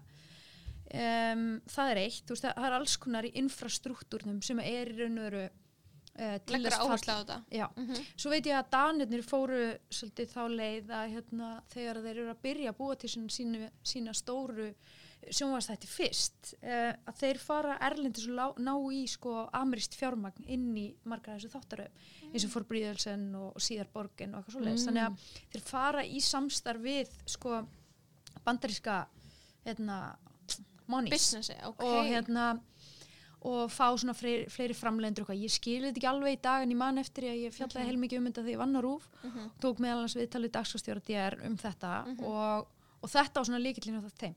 Og annað sem ég lögði áherslu á var að þegar þeir, bú, þeir ákveðu að búa til sjónvastætti að bara hæsta kaliber og þá fóru þeir bara í bandaríska mótilið, hvernig byrju til góða sjónvastætti, þú skrifar þá ekki á sama hraða og áramótaskaupið á Íslandi er skrifað. Á einhverjum sex vikum með fimm í verktakavinnu. Þetta, þetta er tveggja þryggjára prósess og þetta er aftur og aftur og aftur reviewað, þannig að þeir lögðu brjálæslega miklu vinnu í handriðskrifin áður en þeir fóru í tökurnar. Og maður sér alveg skilur veist, það skýn í gegn. Svo samanböru við skilur þegar við hendum einhverjum íslenskum þáttum hérna út skilur bara, bara áfram íslensk dagskragerð maður stundum bara eitthvað þetta er ekki, þú veist, þetta er ekki nóg gott skilur Algjörlega. svona punktar í handritunum Já. algjörlega, handritin er ekki nóg góð það stendur bara fellið með því og þú veist síðan þegar eitthvað er vel gert eins og mér fannst þarna pappahelgar og svona mm.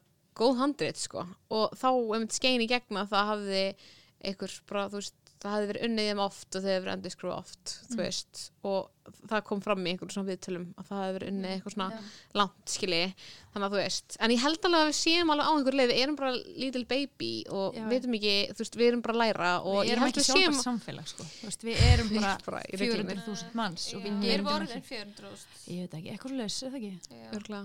Æjá, maður er náttúrulega alltaf myndir á það, skilur Ok. Við erum lítil En sko, þannig að við komum aftur að kakosverjumunum kapitalistunum sko, þá ætlaði þú að að ég ranta um þá ekki satt? Já, komið þín randi og ég get taka tíman þú veist, erum þú bara svona að ranta og rant, skilur Já. En mínútu rant, ertu, Ok. ertu tilbúin? já, ég Segðu bara eins og þú vilt segja frá þessu í mínútu. Þetta er fyrst og fremst Og ég er að fara útrá sko. Já, ég tekur fram að, að ég var beðin um að gera þetta og þetta er ekki sjálfsbrottið.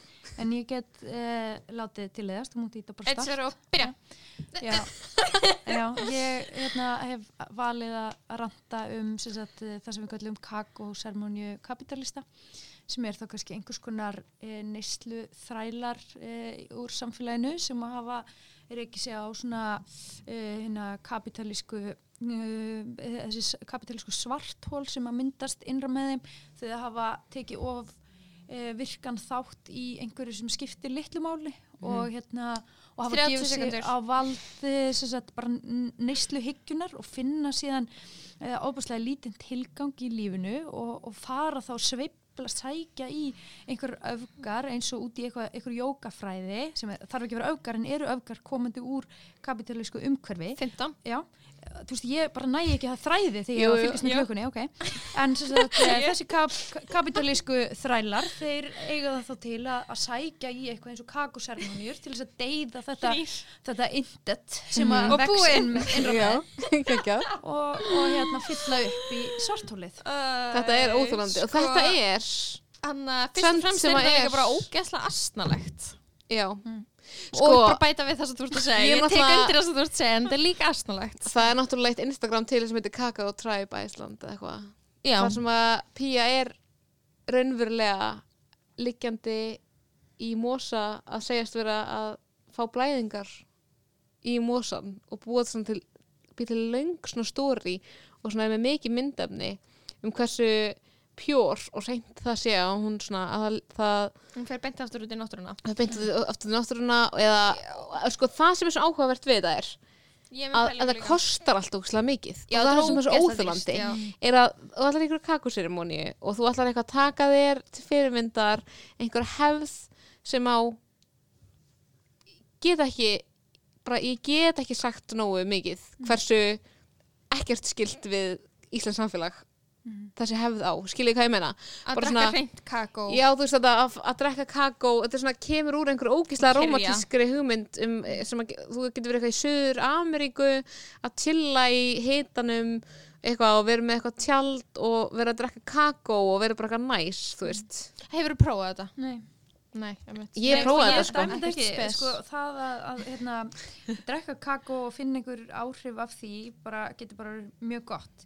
Það sem að ég kannski vildi ranta um er ákveðin svona, eru ákveðin öfgar sem að mjög veist er mjög dæmigjara fyrir Íslands samfélag sem Mhm. er svona, e, að því það þykir svo fínt að vera útivinnandi millistjórnandi í fjármálageranum. Mhm. Bara svo í dag í svona stereotypuna, Mhm. en við vitum öll að þessi típa getur verið, eh, getur verið mjög mun fjölþættari hlutverkum uh, sem sagt bara að gefa sig á valdi svona oft daldi sjúka vinnukúltúr sem við höfum minna, þar sem vinnan þar sem við vinnum bara teknilega of marga klukkutíma á dag og það kostar okkur sambönd og fjölskyldur og svo framvegs og tengsl og, og hérna eigur á streitu og allt það og þessi sjúki vinnukúltúr hann hefur getið það af sér að fólk svona dettur í burnout og margir sem detti í burnout fara sem sagt inn í þetta Mhm. og Jóga. ayahuascað og já, Mhm. og ég er alltaf, ég er bara svona, þú veist, ég er bara að varpa þessu fram, ég er ekki að fordama þetta. En þú veist þetta er kannski svolítið fyrirsjánlegt að þegar þú aldrei staldra við á leiðinni, þú veist og setur spurningum við bara, oh, skiptir þetta einhver máli sem ég er að gera, þú veist get, getur þetta gert með hamingi sama og fólki mitt? Uh, þegar þú gerir það ekki þá endaru í, öfgunum. Beint í kakosarmi. En líka að því að þú ætlar sko að redda þessu á þú veist, með mjög miklum öfgum í kannski klukktíma, þú veist, það er líka áhugavert. Er að þú ætlar að taka sko jókatíman klukkan 6.30 já, þú veist, og ætlar að taka þann pakka bara á klukkutíma og svo ætlar einmitt aftur í millistjórnum starfið, þú veist, svo ætlar bara að mæta aftur í vinna Beint og vera á samfélagsmiðlum og þú ætlar að vera með story um hvað þú varst að hugleðum og þú ætlar að vera story um á Instagram um hvað er leið ógeðslega vel eftir það og hvað það geggjað og þú getur Af hverju er það svona stuðandi? Að veist. sjá fólk vera að gera Hug, andlegt í stóri andlegt í stóri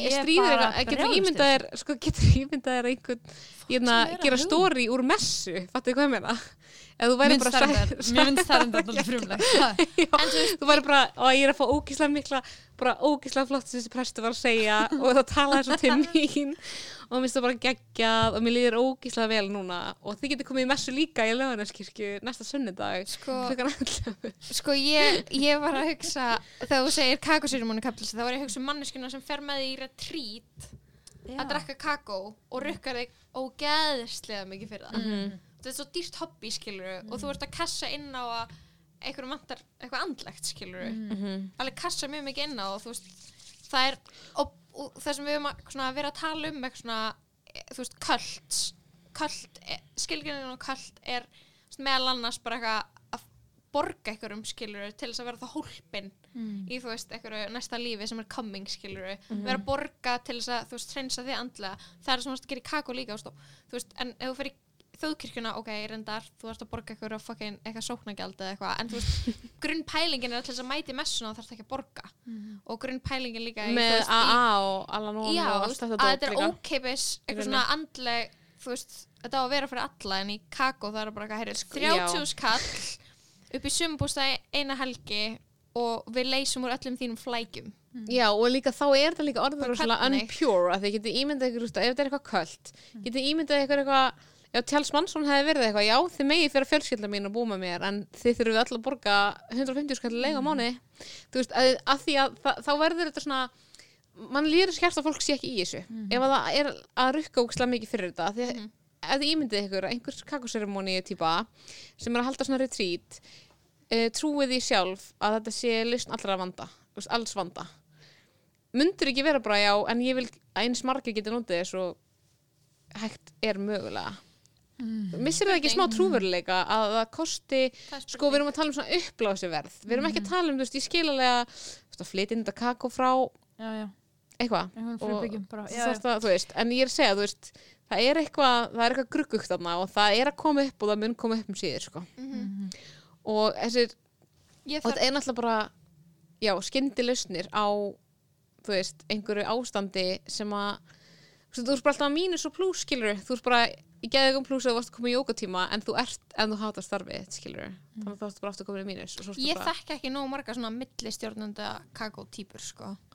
Ég er meira svona að sjá þetta hjá okkur svona ungum listakonum þetta og ilmkjarnóoljur eitthvað svona já, ég sé mikið með svona áhrifavaldar áhrifavaldar á, í þessu wellness stóti já, og geggja þetta líka á, á Netflix sem heita Wellness, sem þú segja þá ég sá okkur sem heitir healing sem er kannski mest stuðandi þetta sem ég sé á æfuminni um, sem er eitthvað svona fólk að leita einhverju alternatív leiðum til að lækna krabba minn og eitthvað.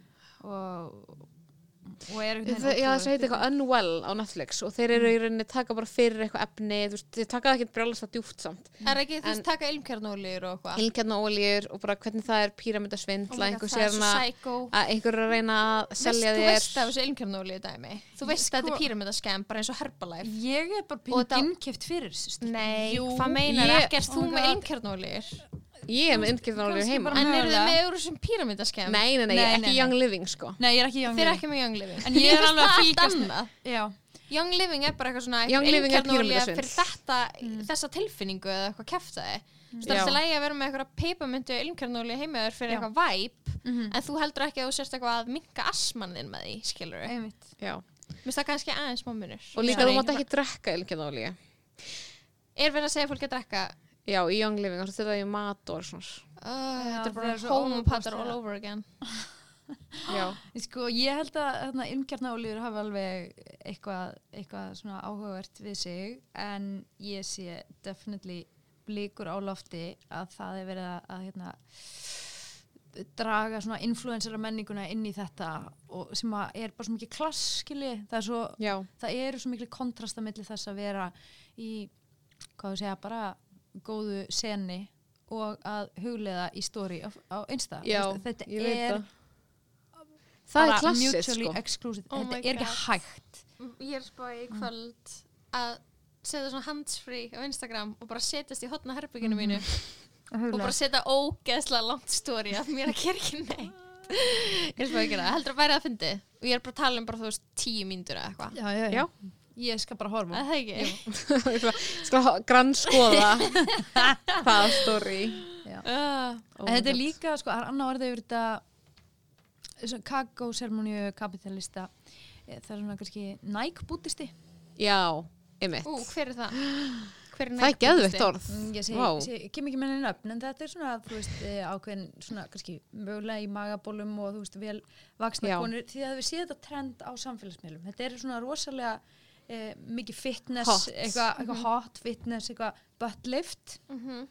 í bland við svona eitthvað bútisma og þetta verður rosalega visuált og, og hérna, þetta er, þetta er alveg ákveð þing, ákveð brand sko. og ég meina þetta kemur fram í Love and Anarchy þannig að þegar að hérna, uppáhalds gaurinn minn úr Love and Anarchy sem er þarna þessi svona sem fer afturhald í sekkur ayahuasca. þú veist, sem að sko finnast að þau sem ég séð þegar hann er eitthvað alltaf að gera grín. Já, þegar hann, ok, ég ætla ekki ég ætla ekki að segja meir. Jú, segðu bara það sem þú þarfst að segja. Þetta- sko, nei, þegar hann hérna, hann er alltaf svona típan sem svona finnst þeim eitt svona unga kynsluðum vera gangu langt og svo endar einhvern veginn hann á að alltaf fara í ayahuasca seremóníu og það er, þar sérðu þetta klassa það er svo hann í ógeðslega fyndið. Það er að finnast það í það sem allir eru kvítklættir í sko ógeðslega dýrum svona heipamussum skilji, En- og með ógeðslega dýr talnabönd um hálsin En ég fílaði sko hvernig afturhaldsami maður eins og fyrir ayahuasca serimóníuna fekk svörin sín. Já, já, Ég meðast það er mjög ríl sko. Já, út af því að hann bara eitthvað þurfti einhvern veginn að vera hann þurfti eitthvað svona auðmygt og hann hlaut hana og Já. svo er hann bara endislegastur eftir þetta Mhm. hann er bara bestur í heimi mm Þetta Já. er alltaf, sko, Ræne Brynjólfsson, þessi leikari er bara einn uppáhaldsleikari minn í Svíð og hann leikur þetta alveg mestararlega vel. ekki er Og bara, já, einmitt, og hann er einmitt, er í raun og gera það sem þið voru að tala um í síðasta þætti, sem er að, þú veist, breytast ekki í hana Harry Potter höfund, hvað heitir hún aftur? J.K. Rowling J.K. Rowling. Þú veist, hann, hann stoppa sig af og Já. hann fer í, hann hann að í ayahuasca, já, skilur. kannski Og þarf á Rowling bara Ayahuasca? bara Eitt retreat, bara eitthvað eitthvað billion retreat. dollar retreat. retreat já, einmitt, með allir peningunum sínum Já. hvað er hann að spá? Mhm. ok, geggjað Erði, rantið Rantið þitt og svo erum við að klára þetta sko, við getum ekki hægt, þetta er eiginlega ógislega þetta er bara, lengsta viðtal sem ég nokkuð tíma sorry, Já, sorry hvað er langt málið er líka að, að við getum ekki hægt, þetta er svo ógislega erfitt ég líka er bara svona- út af því að það sem við gerum ekki þessum þetta sem við gerum seinast sem var að við gerum svona 30 minutes svona check-in hvað við vorum búin að tala um. Að þú veist, í byrjunni að því að við, byrjum að taka upp þá var ég bara svona þá var ég með geðast mikið aðtilsprest og svo eiginlega er ég síðan þá eins og við séum í smá svona endurance verki það sem mér líður ekki lengur eins og við séum að taka upp heldur erum við bara að spjalla sem mun þægilegra sko. Þannig ég held svona að ef þú hlustar á þetta podcast þá munur upplega svona skemmtilega spjalli kannski í svona setni hlutunum Já, Svona ok, þegar við erum alltaf búin eftir að að setja inn liðka. svona einhver Ok. tónlist undir eða eitthvað. Ok, ok, rantið þitt og svo, svo, svo, ok, rappa. svo verður þau bara einhver að íta Og ég, ég að taka tíma Allir þú taka tíman, ok ég elska hvernig Þóra er búin að er Hún er eiginlega orðin svona third co-host. Já, ég Það fíla er það. ekki bara er ég og heyrnatólunum minna En hún er líka- er ég, Þú ert líka með mestu við erum fjölmjöla líka Þannig að þetta er eðlilegt. ég er alveg mjög góð að íta á start. Ok, Eitt til að byrja. Ok, ég ætla aðeins að, að tala um þessi fucking snúningskerti. Ok, í sumar þá er ég dætt ég inn á fucking anna, svíþjóðar lifestyle blogger Instagram. Og ég byrja að sjá þessi fucking snúningskerti og ég er eitthvað, ok, æðislega snúningskerti og þau eru til í alls konar litum og þú veist, það er allir með Gustaf Westman og Hobnob Journal í fucking Stokkólmi þú veist, einhverju svona inn, innan hús hönnuðir eru með þessi freaking snúningskerti. Nei, svo dettur þetta hinga til Íslands nema bara út af því að við, það er eitthvað að okkur í hausnum að við þurfum alltaf að gera of mikið af öllu og núna sé ég ekkert annað heldur en snúningskerti. Þannig að eitthvað sem mér fannst flott er orðið áleika spennandi og þarna hrafna fata Herðatré. hrafna herðatré. Já. þetta er út um allt, þetta er núna er snúningskertið eins og hraunskarskripur snúningskertið er bókstaflega skarkripur úr róði eitthvað sem mér fannst flott í sumar er bara eitthvað núna út um allt og það er alltaf að geta heima á sér og ég reyndi eins og að geta heima á mér og það gekk ekki vel, það er ógeðslega erfitt þannig að hætti að segja þessi auðvelt að gera snúningskerti heima á sér. Tími. Allt við Vá. Vá, ég er alveg samlega, ég sá þetta snúniskerti í fyrst skipti í dag, ég er kannski ekki að fylgjast með lífstílsbloggurum í Stokkólmi, en uh, ég hugsaði, vá, þetta er flott, þetta minnir mig á fortíð mína og svo kemur þú og segir mér að þetta sé bara outdated Þetta er bara út um allt og þú ert í raun að forða mér frá því að byrta mynda snúningskerti. Sko, í rauninni er síðlaust að ég og mannbúðin sé að selja eitthvað svona eitt svona snúniskerti á 3 og 5 skilji. Er það 3.5? Nei, Salka Ekki segja mér að kosti 3.5 Ég veit ekki hvað það kostar. Ok, ok Sorry. Sko því að það er gett auðvitað að gera þetta sjálfur En þetta er út um allt í svona Þú veist svona, veistu hvað búð purkhús er? Ok uh, Veistu hvað merki hei er? Hei. Uh, já, er Uh, þetta ekki svona innkerta eitthvað dótt? Sko, þú veist Þannig að ég datt bara svona hefðili inn á Æ, sorry, tvö, á 2500 Já, eitthvað. ok, Það er í mikið kerti Já. samt, sorry. En þú veist Þannig að ég datt inn á þarna norr, norrænu áhrifavaldana Mm.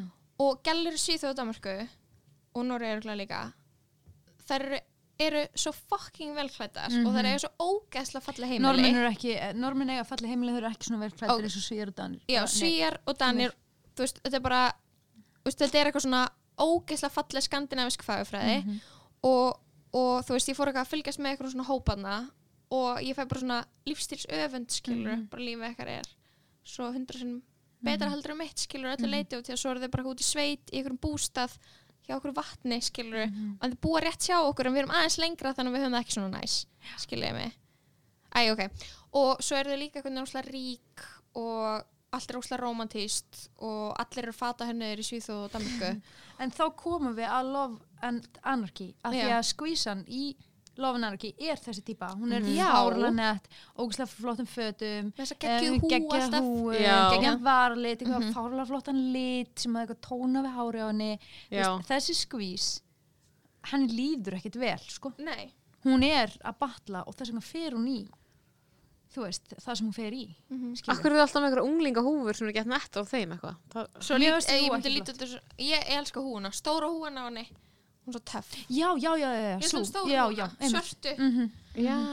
og svo á hún geggjaða íbúð og bara eitthvað svona, þú veist, íbúður í En var hún Evrópu samt ekki of í alvöru þetta var bara Þetta var svo eins og hótel. bókveðri bara, var þetta ekki smá eins og hótel líka En mér fannst þess En að þú ekki veist, hátt til ganga of lofts. langt. Mér fannst að það sem var gert úrst vel var að það hefði getað látið vera í svona íbúðar sem allt væri steinklætt úr gráu en það voru svona hlutir í henni sem að var eitthvað, já þetta er nice touch, eitthvað svona já, það Fattu hvað ég meina, þeir eru svo smekklegir hérna, þú veist, bæði danir og, og líka normenn heimilin þar þau eru, þau eru rosa klassísk, þú veist. Mhm. þau eru ótrúlega falleg og þau eru, þau eru hlýleg eitthvað sem að, þú veist, þessi tíska hérna með alltaf ég vera svart og hvítt og Ok. sprautulakað þú veist, það hlýtur að fara líðundi lok og hérna, góður. ég, Ég trú ekki fólki líði vel það, það býr í, þú veist bara, á bara gráu heimili, sorry. Nei. ég bara, ég held að gráa sé dottið út sko. En í staðin þá er allir í pastel já, það er allir í þessum dau- dempuðu tónum. Mm. hafið ekki sé batna áhrifavalda. Eða þú veist, það er mömmur creepy. sem eiga börn og þær mömmunar eru áhrifavaldar og þær interior designa batnaherbyggið eins og 32 ára kona búi Já, í. Finnst Með geðveiki þegar þú ætlar að gefa barni 11. bara pastellita leikfeng þar sem að þú veist, þú veist að börn eru bara svona, þau bræðast við skærum litum Mm. sterk, eh, einföldum formum ætli verði, þú veist, ætli börn þessar kynslu að verði svona dempuð. grindaskertari. þau verða dempuð, í öllu. Þau eru svona, það verður svona tón Já. þau já, þau mun aldrei tjási fyrir þau bara fremja glæpi já Mhm. allt í einu Á, og þá sjáum við hvað við gerðum. Stelpur, ég var að mæta æfingu til nýju mínútur. Oh hvað er Oh my að æfa? um, í bílskur Já, Af því það er næs. COVID, Já, ok, veistla Já, Ok, það þú er þarfst að fara og, og við erum við bara erum búin að að tala í tvo Svo tíma. Á ég að klippa hann eða? nei, Ég er til dæmis klippt út þetta er fyrir beint inn. þögnina sem við tókum nei, að mér er sko ógæslega myndi að hann Æ, það var aðteglisbrestur það var bara svona að bara eitthvað Ég var að njóta þess sko. Eh, Já, nú, ítum við að vera að Já, ég man ekki eins og Það hvað er voru ekki. að tala um. Ok, heyrðu, hérna Bye. Bye. Takk Þóra fyrir að vera spjallið. Við sjáum til, þú veist, við erum ekkert alltaf að fá gesti núna nema að það séu bara gestir sem að við höldum að hafa virkilega eitthvað að segja við okkur í tvo klukktíma í Advanja það er. Já, Það er eina Advanja, sem- Sjátt á Advanja Já, bara takk hérlega er, Núna erum við officially sellout af því að við erum Nei. núna bara búin að hérna, Ekki fyrir að við erum komið eitthvað svona við Advanja Advanja. Við erum ekki búin að, Nei, þið þurfum bara að læra bókunarkerfið í 101 er það Já, ekki? Jú, ég þarf bara að gera það. Takk hérlega fyrir komin